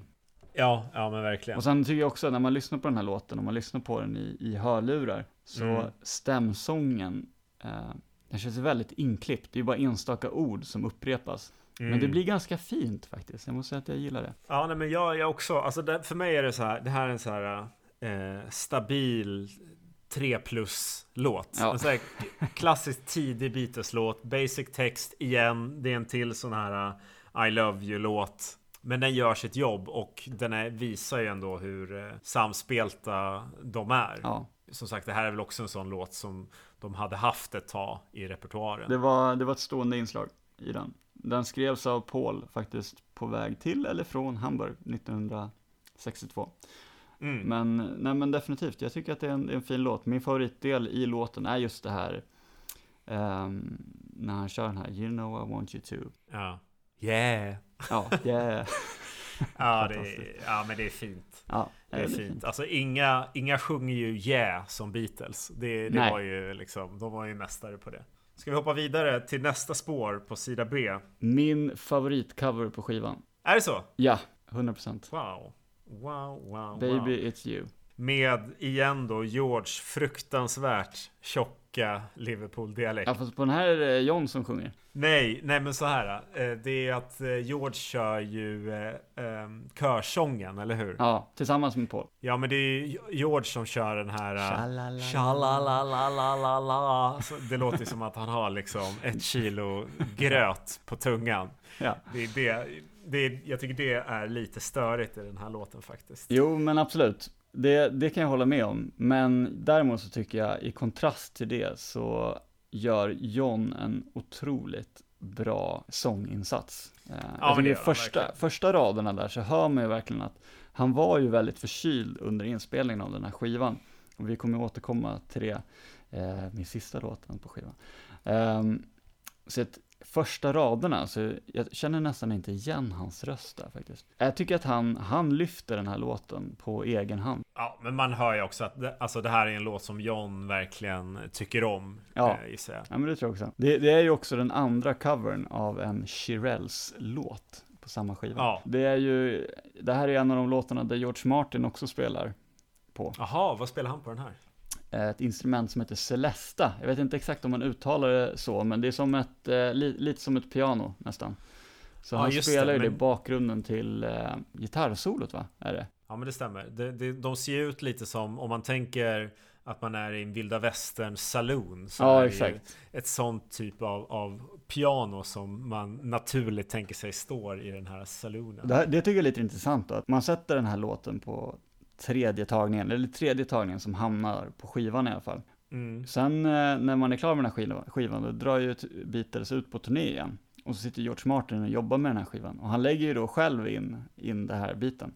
Jag tycker det är, det är lite modigt att han Ja, att han det är modigt. Jag tror det... knappast att han rådfrågade bandet, utan han la bara in det.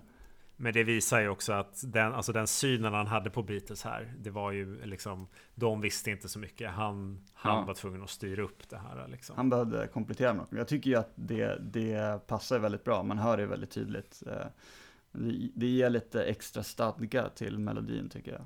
Ja, den här uh, låten är också med på live, and, live uh, at the BBC. Mm. Uh, skivan, en, en live-version. Den där körde de väl också Eh, live en hel del. Ja, ja men eh, jag tycker det är superbra. Älskar när Johns röst brister där i, i eh, när han sjunger I don't want nobody, nobody. Ja, det, det, det, det, river verkligen, men det ger karaktär till, till låten. Ja, jag säger så här. Um, George drar ner det, tyvärr, med sitt tjalalalalande. eh, framförallt i början. Men jag håller med om att Johns röst är helt otrolig. Och som vi pratat om tidigare, att, att John var lite risig och förkyld, det ger ju bara karaktär till den här låten. Och eh, min absoluta favoritdel av den här låten, det är ju liksom de, de två sista raderna som liksom fejdas ut, om du kommer ihåg det, där han liksom går från Don't leave me all alone och så avslutas det med ett liksom Come on home och så är den bara borta liksom. Äh, det, det, det är skitsnyggt verkligen. Ska vi gå vidare till nästa låt på skivan? Ja, det tycker jag. Do you want to know a secret? Wow. Do you promise not to tell? Wow, wow, wow. Alltså den här har ju verkligen också sådana här härliga eh, liksom små sångsnuttar i bakgrunden med oa och doa oa. Ja, här har vi ju, det här har vi ju Harrisons eh, eh, grötiga Liverpool-accent igen. Man, man kan ju säga att han hittade sin sångröst lite senare i karriären. Inte att den är dålig på något sätt så, men den är lite speciell, det får man lov att säga. Den är speciell och jag håller med han hittar den sen. Men jag måste ändå här till George försvar. Det här är ju hans bästa insats på, ja. på hela Please Please Me. Absolut. Han får chansen och han eh, tar den ju. Liksom han, han kör ju även Chains, men här har vi ju en, eh, en riktig liksom Lennon McCartney-låt som han får sjunga. Ja, McCartney-Lennon. Förlåt, McCartney-Lennon ja. var det fortfarande. Men, men eh, det är ju Johns låt i stort sett till 100% från början, som han skrev då och gav till George att sjunga. John gillade inte den här låten särskilt mycket och mm. var nog, han var nog inställd från början på att, eh, att ge bort den. Och jag för mig att han, han eh, gav bort en demo av den här låten till någon artist som inte valde att, att spela in den, kanske. Okej. Okay. Jag vet att den, det var en annan grupp som hette The Dakotas som tog den till toppen av USA-listan 1963, men jag tror att han innan försökte ge bort den till någon annan artist. Och att då sägs det att på den demon som han, som han gav iväg så avslutades låten med att han spolade i toaletten. Vilket kanske är ett tecken på vad han tyckte om, om den. ja, nej men eh, det är ju en ganska basic låt och jag tänker att han skrev säkert den eh, med intentionen att den skulle till någon annan och den passar väl George ganska perfekt eftersom han liksom rent sångmässigt som du pratade om tidigare Han var inte helt hundraprocentigt utvecklad än liksom. Nej. Han Men... går inte upp i de här äh, galna tonerna som, som framförallt Paul är känd för men som John också gör. Men ja. Han har ju ett moment i den här sången där han kör nästan också sprucket I'm in love with you Ja, just det. Ja, men det, det, det är höjdpunkten det är i låten. Det är höjdpunkten i låten. Absolut. Den här låten bygger ju enligt John på melodin från en Disney-film. Eh, mm. Som hans mamma sjöng från när han var liten. Och den låten som han syftar på det är Wishing Well från filmen Snövit. Eh, så lyssna på den låten Wishing Well från Snövit så kommer ni höra några bitar som är väldigt lika. Ah, och eh, ja men intressant. Den, eh, den eh, ser vi till att få med i våran spellista kring Please Please Me. Vi kan väl också konstatera att Please Please Me innehåller inga originallåtar alls av George. Och det är, det är väl en av få skivor där det inte finns en enda George-sång med.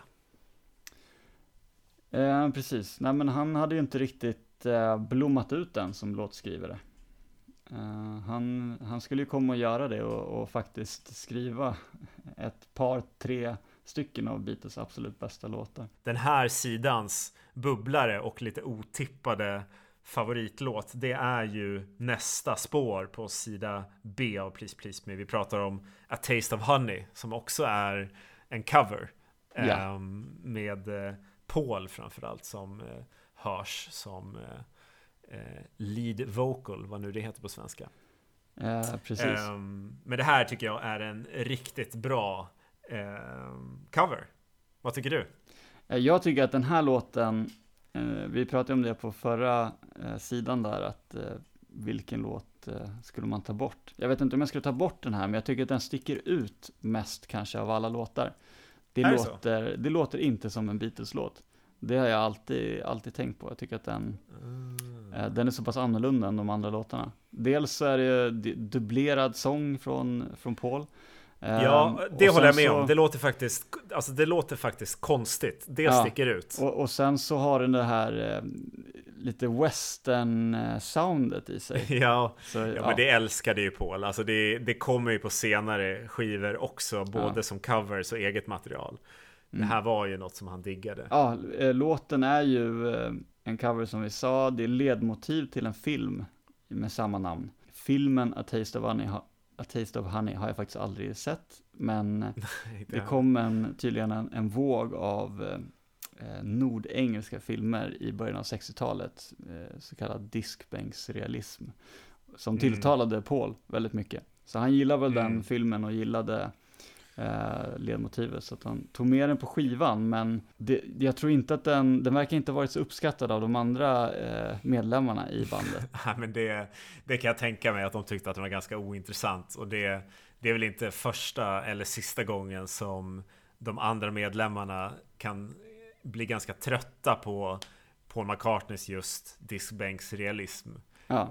Um, det skulle ju komma, jag tycker, för att försvara Paul, vissa låtar som exempelvis eh, She's Leaving Home eller sådär som kommer sen på Sgt. Pepper är ju helt otrolig diskbänksrealism.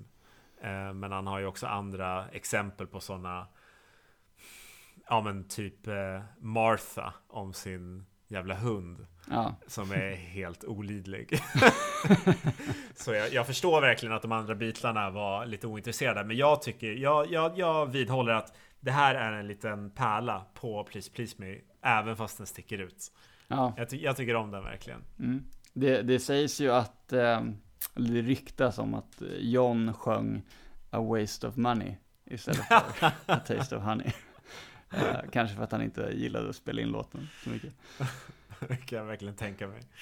Men, men det finns ju en anledning till att den hamnar på skivan också. Troligtvis så är det på grund av att den blev en hit med ett annat band som gjorde en cover på den. Eh, under planerandet av Please Please Me. Så att, ja. eh, och det tycker jag säger lite no någonting om hur, hur det funkade med covers på den här tiden. Att, alltså, det var inte att någon gjorde en originallåt och så kom det en cover på den eh, tio år senare som det är nu för tiden, utan det kunde ju komma en cover ett halvår senare och sen ett halvår senare så kom det ytterligare en. Och så var det ja. den som kom till första platsen på, på uh, hitlistan. Ja, det är uh, två spår kvar på uh, skivan och det näst sista spåret då, det är There's a place. Det är ju för mig en favoritlåt på den här skivan. Och jag tycker att den är trist. jag tycker den är ganska trist. Ja, men okej. Okay. Nej, men eh, det som är intressant med den här låten, det är dels att det är ett tidigt exempel på att eh, Beatles låtskrivande inte bara behövde handla om eh, I love you, she loves you, alla loves you, we love her. Mm.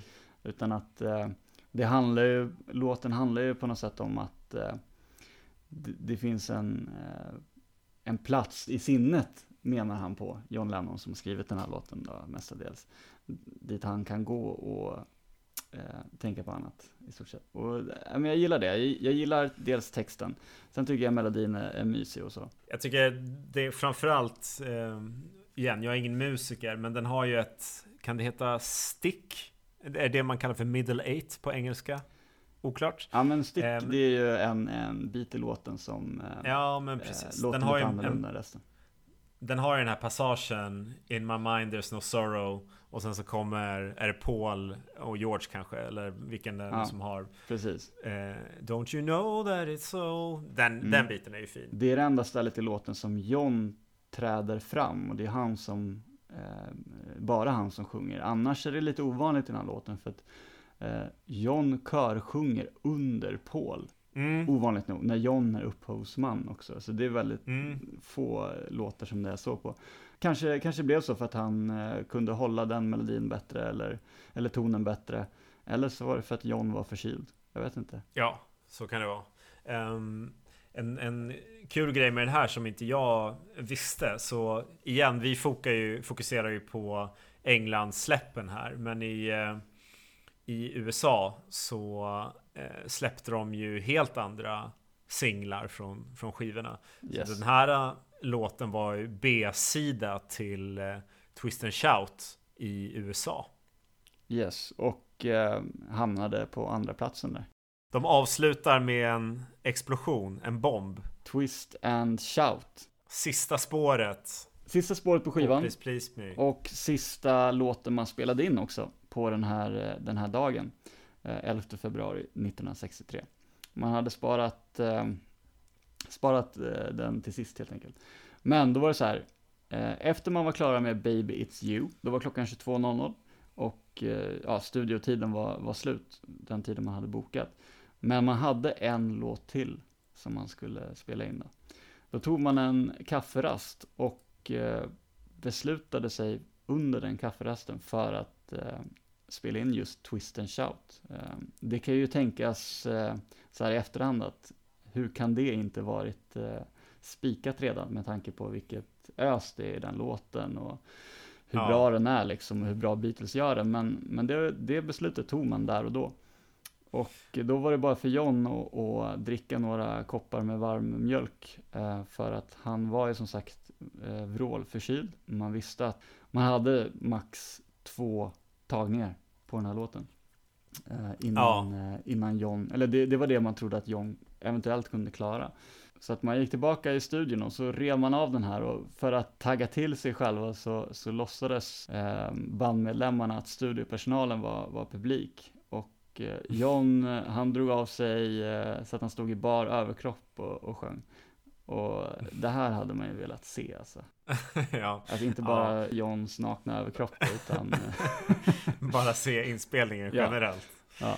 Ja, men det här är väl en av Beatles mest kända låtar, vilket är lite kul eftersom det här är ju också en, en cover på Isley Brothers.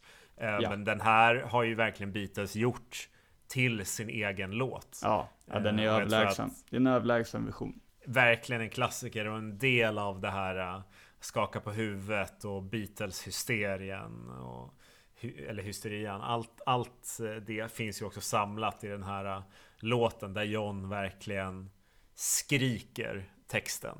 Ja. Eh, det här är ju någonting helt annat än vad som spelades på radio på den tiden. Det gick, bara, det gick ju bara att göra en tagning, så man, man drog av den i en tagning och den hamnade på skivan sen.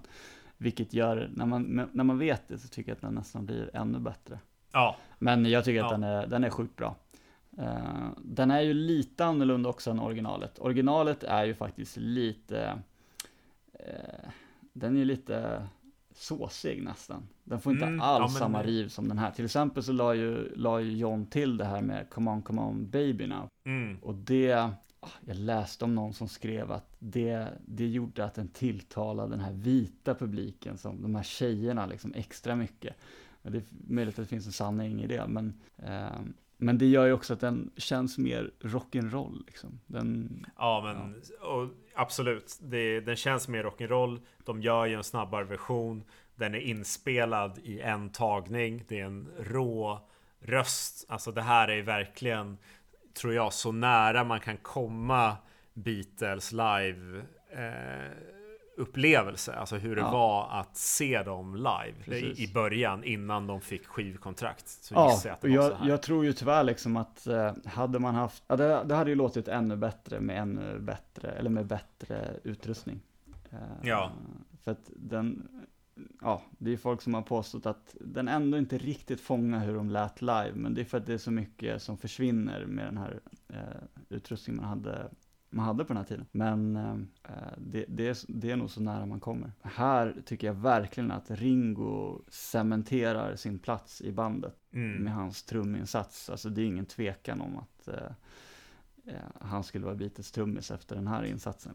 Ja, jag håller med. Den här låten är, den är, den är grym och det är som skön avslutning på den här äh, skivan. Jag tycker det är klockrent att ha den som sista spår. Ja, jag tror att det var en skön avslutning för dem också. Det sägs att John, han kunde inte prata på två dagar efter inspelningen. Så det var nog Nej, skönt säkert. att avsluta med den här och sen lämna över det till, till George Martin och så fick han sy ihop det. Sen tycker jag, jag tycker man ska nämna också det här live, eh, när de spelar den här live på Royal Variety Performance. När drottningen Ja, just det. Och de ska riva av den här i slutet och John eh, kör sin berömda line The people in the cheaper seats clap your hands. The rest of you could just rattle your jewelry. Och så ja, ser jag framför den... mig hur, den här, hur drottningen gör den här royalistiska handen. Han, ja, som kommer upp som en liten vinkning. Acceptans, jag accepterar dig eh, Ja, ja, nej men de, de hade ju alltid en eh, en arbetarklassvinkel på det mesta de gjorde i det de, ja men med tanke på att de kom från Liverpool som var en verkligen sån hamnarbetarstad i England. Och för John var det ju extra viktigt att, att påpeka det även om han kanske har fått lite kritik, ja men nu senast i det här radioprogrammet från, från BBC där det var eh, om det var Sean eller, eller Julian som faktiskt påpekade att visst, alltså John kanske inte kom från de allra lättaste förhållanden men att, men att eh, säga mm. att han hade ont om pengar är en, en överdrift. Ja. Um, men, ja, o, oavsett det, det var ju mycket av Johns fokus eh, redan ja, men under hela sin karriär. Men det är intressant att se här redan eh, när de eh, spelar för drottningen så liksom skämtar han med kungahuset och påpekar klass, klassklyftor. Vilket han fortsätter göra liksom under hela sin karriär. Ja, med det spåret så avslutar vi ju uh, Please Please Me. Um, Exakt.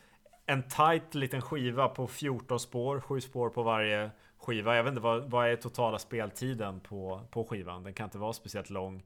Jag tycker det är härligt med de här uh, poplåtarna, att det bara är liksom två, tre minuters låtar som man, som man kör. Nej, men vilken, eh, vilken, vilken introduktion till eh, Beatles. Ja. Vilken, ja. 32 minuter är skivan. Det är ingenting. Ja. nej, nej, men det är 32 minuter, 14 låtar, fullt ös. Och som vi nämnde i det tidigare avsnittet, min åsikt är man kunde faktiskt ha plockat bort någon, någon cover eh, exempelvis. Um, men i, i det stora hela det är en eh, grym debutskiva alltså. Ja. Jag tycker inte deras bästa tidiga album.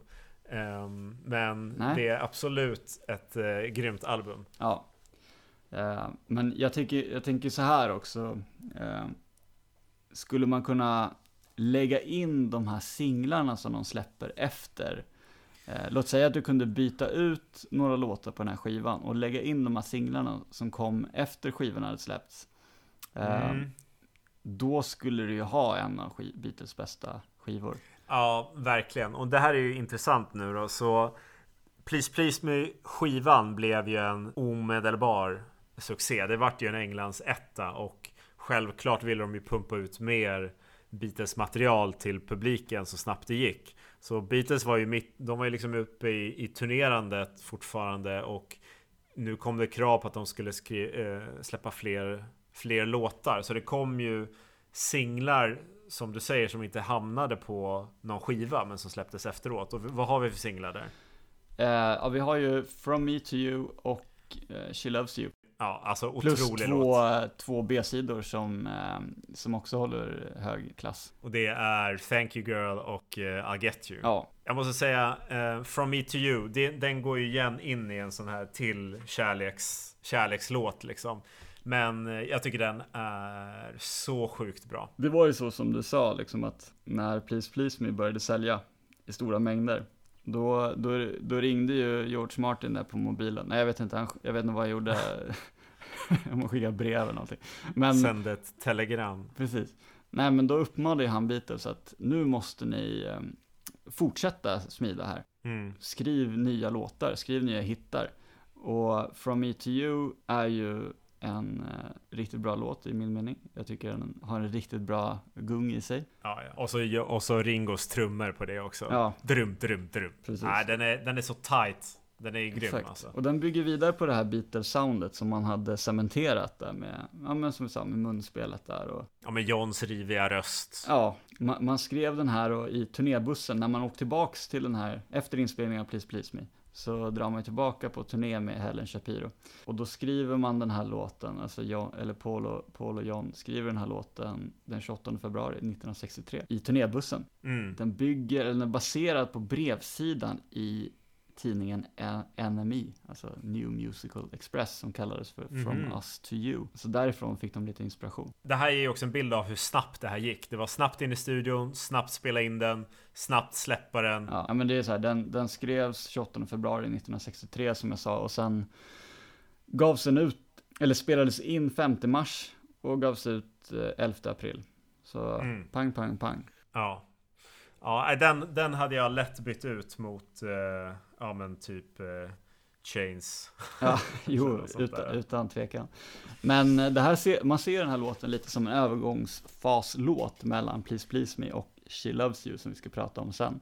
Och det, mm. det är ganska logiskt när man tänker efter. Det låter som, det är en liten utveckling från Please Please Me. Um, och, och, så kan man, man kan höra hur den kommer leda till She Loves You. Um, mm, ja men verkligen. Och så har den det här jag tydliga att, Beatles-soundet. Jag håller med. Alltså rent soundmässigt så är det här From To You är ju en, ett litet steg framåt. Ja. Um, från låtarna på Please Please Me. Mm. Och sen om man pratar om det här Beatles-soundet så innehåller ju den här låten också, precis som Please Please Me, ett oktavsprång i falsett. Ehm, mm. I den här låten så är det ju när de sjunger Oh so true. Mm. Som de även använder i I wanna hold your hand. Alltså att de går mm. upp i, i falsett och det, det var ganska ovanligt liksom. Och det var ju det blev ju folk lite galna av när de, när de fick höra det liksom. Som, och det kanske till slut ledde fram till det här eh, oandet när de skakar på huvudena under She Loves You också. Ja men just det, ja men det är sant. Eh, och sen så har de ju också munspel med, med den här på ett ställe va? Mm. Ja men så är det. Men, men eh, för att återgå till de här falsettstämmorna så... ja, du var inte klar med det. Ja, nej. nej. nej, men låt oss höra. Jag skulle vilja prata färdigt om dem, tack. Nej. nej, men det jag skulle säga var bara att det var ovanligt att göra ett sånt här plötsligt oktavsprång i falsett. Alltså i andra låtar, om andra artister använde sig av falsett så var det låten igenom, liksom. men här var det bara på ett ställe. Också mm. ett, eh, Eh, ja men ett bevis på att, på att Beatles var eh, experimentella liksom och vågade sätta in nya grejer, eller grejer som var inspirerade av andra artister men som de gjorde på sitt egna vis också.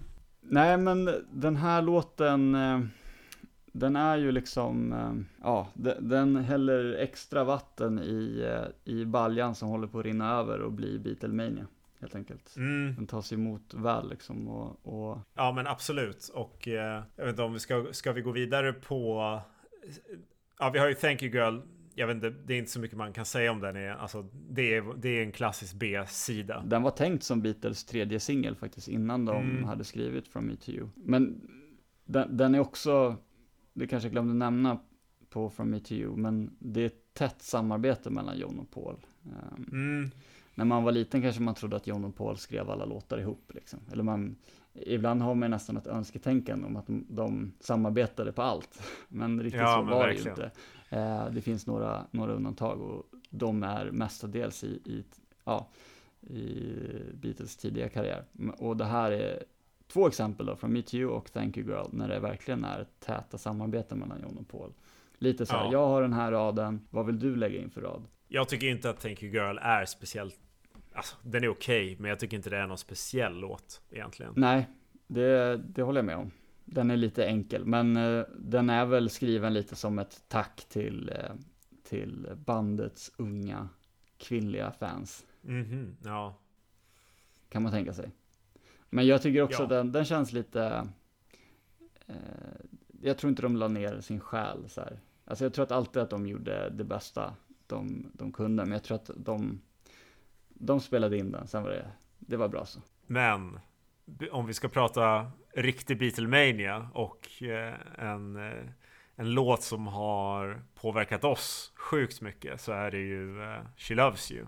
Ja, fjärde singeln. Som inte heller var med då på, på Please Please Me skivan men som släpptes efteråt. Um, som är väl också en sån låt som de spelade in liksom eh, under turnerandet eller? Hur, eh, hur spelades den in? Den skrevs på ett hotellrum i Newcastle efter att Beatles hade spelat på The Majestic Ballroom den 26 juni 1963. Så att, men det är klart, de var ju alltid ute aktiva på turné och var runt mm. liksom. Ja, det är också tätt samarbete mellan, mellan John och, och Paul. Och det här, här blir det ju faktiskt Lennon McCartney. Eh, nu byter de. Just det, det är här de byter alltså. Ja, den här blev ju, den här blev ju galen ju. Eh, ja. Alltså det, här började det spåra ut och eh, det här är väl den, den singel som har Eh, som de har sålt absolut mest av i, i England. Precis, absolut. Det, det är det. Jag tror att det är typ den mest sålda singeln på hela 60-talet i England eller något sånt där. I och med den här låten så exploderade ju eh, Beatlemania på riktigt. Och alltså, jag tycker att mm. det här är en av Beatles bästa låtar. Liksom. Det är lätt när man ska välja Beatles bästa låt. Liksom. Man väljer något från deras senare, senare karriär. Och helst någonting lite svårare liksom.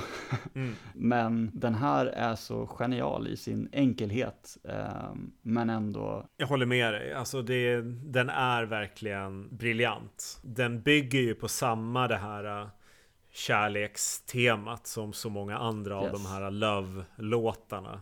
Uh, men här har man ju en ny vinkel på liksom personen som det handlar om. Det är inte längre I, I love you eller, eller något sånt där, utan nu är det ju att det är en person som pratar om en annan mm. person. Liksom, you think uh, you lost your love, well I saw him ja. uh, yesterday. I saw her yesterday. Såklart. Nej men det var ju Pauls idé om att skriva i, i uh, tredje person. Istället för Just första det, tredje eller andra. person, så heter ja. det. ja men exakt, ja. det är så det heter. Sen, alltså det finns mycket, det finns mycket att säga om den här låten måste jag säga. Man blir lite till sig, man vill liksom gå igenom allt man tycker om i den här låten. Men eh, om man ska börja någon gång, alltså någonstans från början så låten börjar ju med refrängen, det är ganska ovanligt. Och ja. den börjar ju med Ringos rullande trummor där och sen ja. pang direkt in på, på refrängen, vilket tydligen var George Martins idé, men alltså den rivstartar verkligen. Och sen så kommer den här eh, verserna liksom, där, mm. där stämsången, det, det, är en ganska okomplicerad ackordföljd, men det som gör att, att melodin känns så, alltså vacker på något sätt. Alltså det är en, det är en vacker mm. melodi som på något sätt jag, ty jag, tycker att den, den skär in lite i hjärtat nästan, den här melodin. Konstigt nog. Alltså, den är så enkel, men det är den här, det är McCartneys, alltså Pauls sångstämma, alltså eh, som ger melodin ett, ett oanat djup. Mm.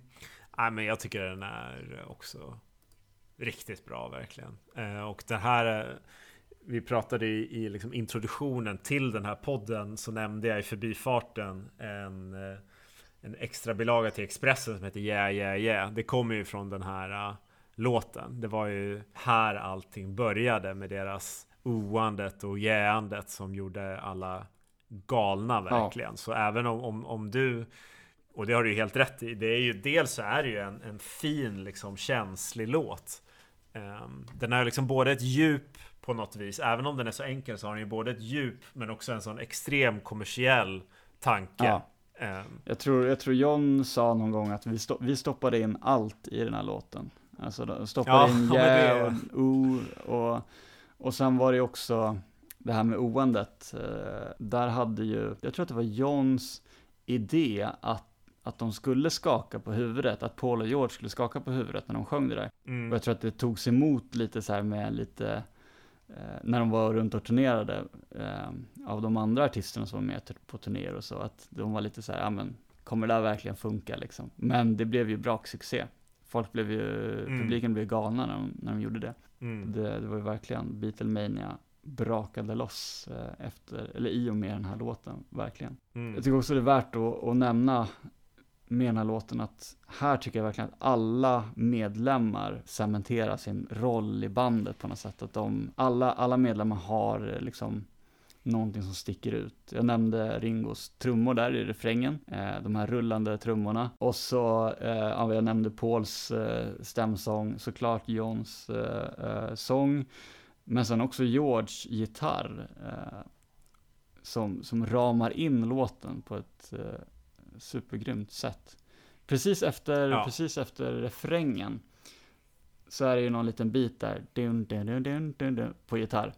Uh, mm. Det var tydligen Georges egna idé att lägga in den. Och George Martin var lite skeptisk, för han tyckte att det, han tyckte att det var lite corny. -hmm. Men bara den biten gör också låten så eh, mycket bättre. Ja men den blir ju, alltså det är ju ikoniskt. Ja. Det är ju sånt klassiskt. Men eh, du nämnde det här med yeah, Yeah, yeah, yeah. Det var ju deras liksom signatur. Eh, alltså jag minns ju det från så här filmaffischer ja. och, och, sånt där. Där de brukade skriva ut yeah, yeah, Precis, yeah. men det, det var ikoniskt, men det var också på den tiden så var ju det, det var ju lite slangigt liksom. Det var ju ja, ja, men lite verkligen. Alltså, att säga yeah. Det låter ju skitlarvigt att prata om det idag, men det är därför, igen, som Yeah är så ikoniskt. Men det var lite amerikanskt, det, det lite såhär cowboy aktigt. Ja, ja, man sa, man sa inte det liksom. Nej, och eh, jag vet att eh, Pauls eh, pappa, han sa ju tydligen så ja men det där var en bra låt, men skulle ni inte kunna sjunga Yes, yes, yes?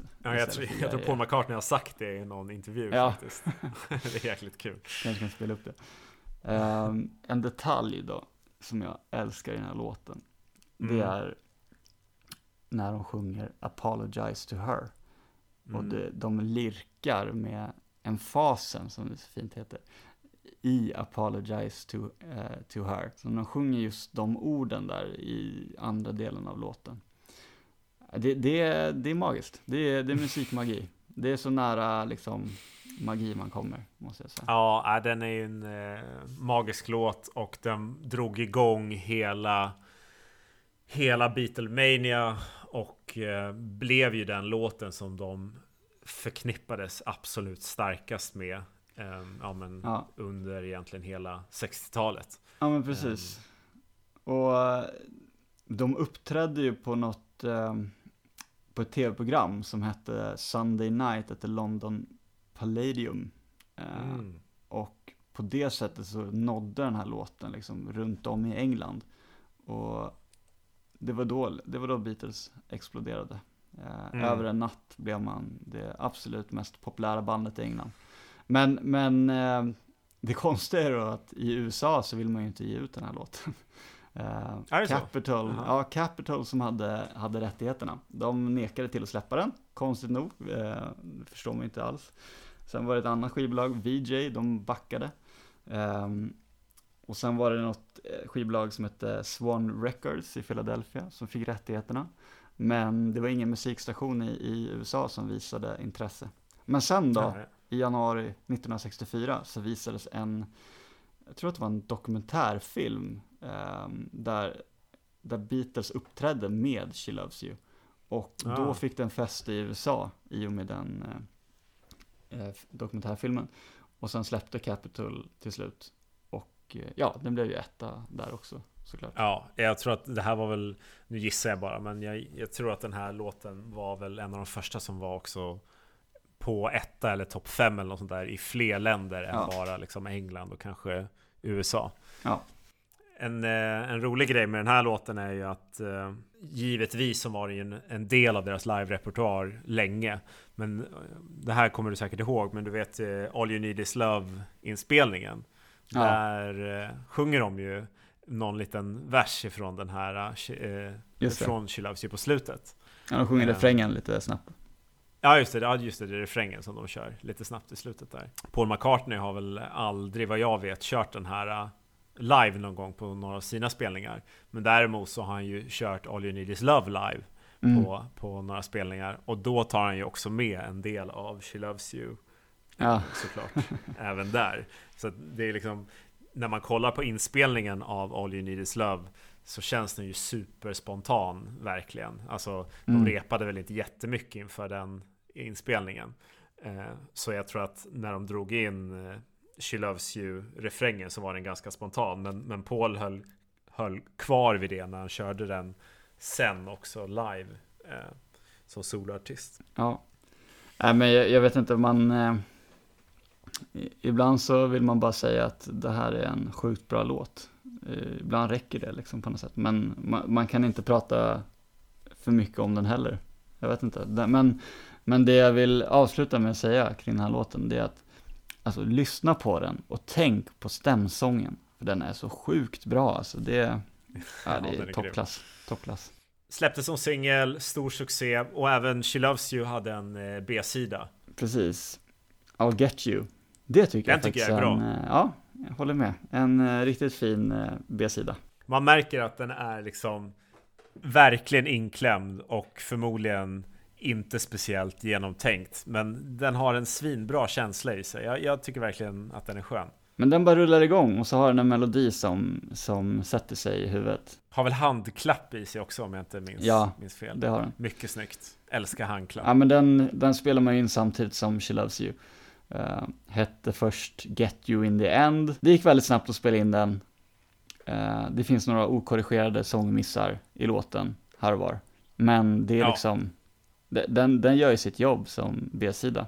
Den gör verkligen sitt jobb. Man får inte glömma bort det. Alltså, en, en B-sida som också är en egen komposition. Liksom. Eh, mm. Som också är en, en jäkligt bra låt. Fansen blev ju bortskämda med det här. Ja, verkligen. Alltså, och det här märker man ju senare sen när Beatles fortsätter att släppa singlar. Alltså, Strawberry Fields och Penny Lane är väl en egen singel? Ja, och George Martin har väl sagt att han ångrade att han inte satte dem på, på Sgt. Pepper-skivan. Ja, men det, det visar ju bara att Alltså vilken otrolig kvalitet ändå Beatles hade. Jag tycker det är så jäkla coolt i början när de Ja men alltså alla de här låtarna i stort sett skrevs ju liksom på hotellrum, i bilar, mellan olika inspelningssessioner. Och många av dem, även om de är enkla och basic, så är de ändå liksom, ja men She Loves You är ju en skitbra låt och det tycker jag även från ETU är. Ja, nej men eh, vi, det, vi gör ju en spellista eh, med de här låtarna som vi pratat om. Eh, där vi självklart lägger in de här singlarna också. Och ja. Eh, som jag var inne på tidigare så adderar man de här låtarna till övriga låtar på Please Please Me så Ja men verkligen. Jag tycker vi ska sätta ihop våran egen eh, Best of Please Please Me plus skiva. Där vi har ja. eh, covers och vi har singlarna och alternativa versioner. Där vi får liksom allting som hände kring Please Please Me. Ja, men det, det, summerar, väl, eh, det summerar väl den här perioden. Ja. Sen tar det ju inte lång tid innan nästa skiva kommer ut, men det blir ju, det tar vi i nästa avsnitt. Det tar vi i nästa avsnitt, absolut. Jag tycker vi har summerat fint nu bakgrunden kring allt som hände, eller mycket som hände kring eh, inspelningen av Please Please Me, eh, singlarna före själva albuminspelningen och efterföljande singlarna som kom efter skivsläppet. Yes. Ja, men, eh, eh, tack för att ni har lyssnat. Eh, vi eh, ser fram emot att spela in fler avsnitt och posta dem till er. Vi får väl skaffa några sociala kanaler också. Sociala medier-kanaler ja, som ni kan följa oss när det kommer nya avsnitt och så. Vi, vi ser till att det går att bli uppdaterad på Beatles låt för låt-podden på sociala medier. Du, eh, tack så mycket Jens. Eh, det var supermysigt att få nörda ner sig i eh, Please Please Me tillsammans ja, med dig. det är underbart. Nu väntar man bara på all feedback här som säger att eh, vi har helt fel i allt vi har sagt. ja, det, det kanske vi har. Eh, men då kan vi starta en, en liten mysig diskussionsgrupp kring allting. Det är ju helt perfekt om vi kan ja. göra det. Tack för idag. Ses i nästa avsnitt. Hej! Hej!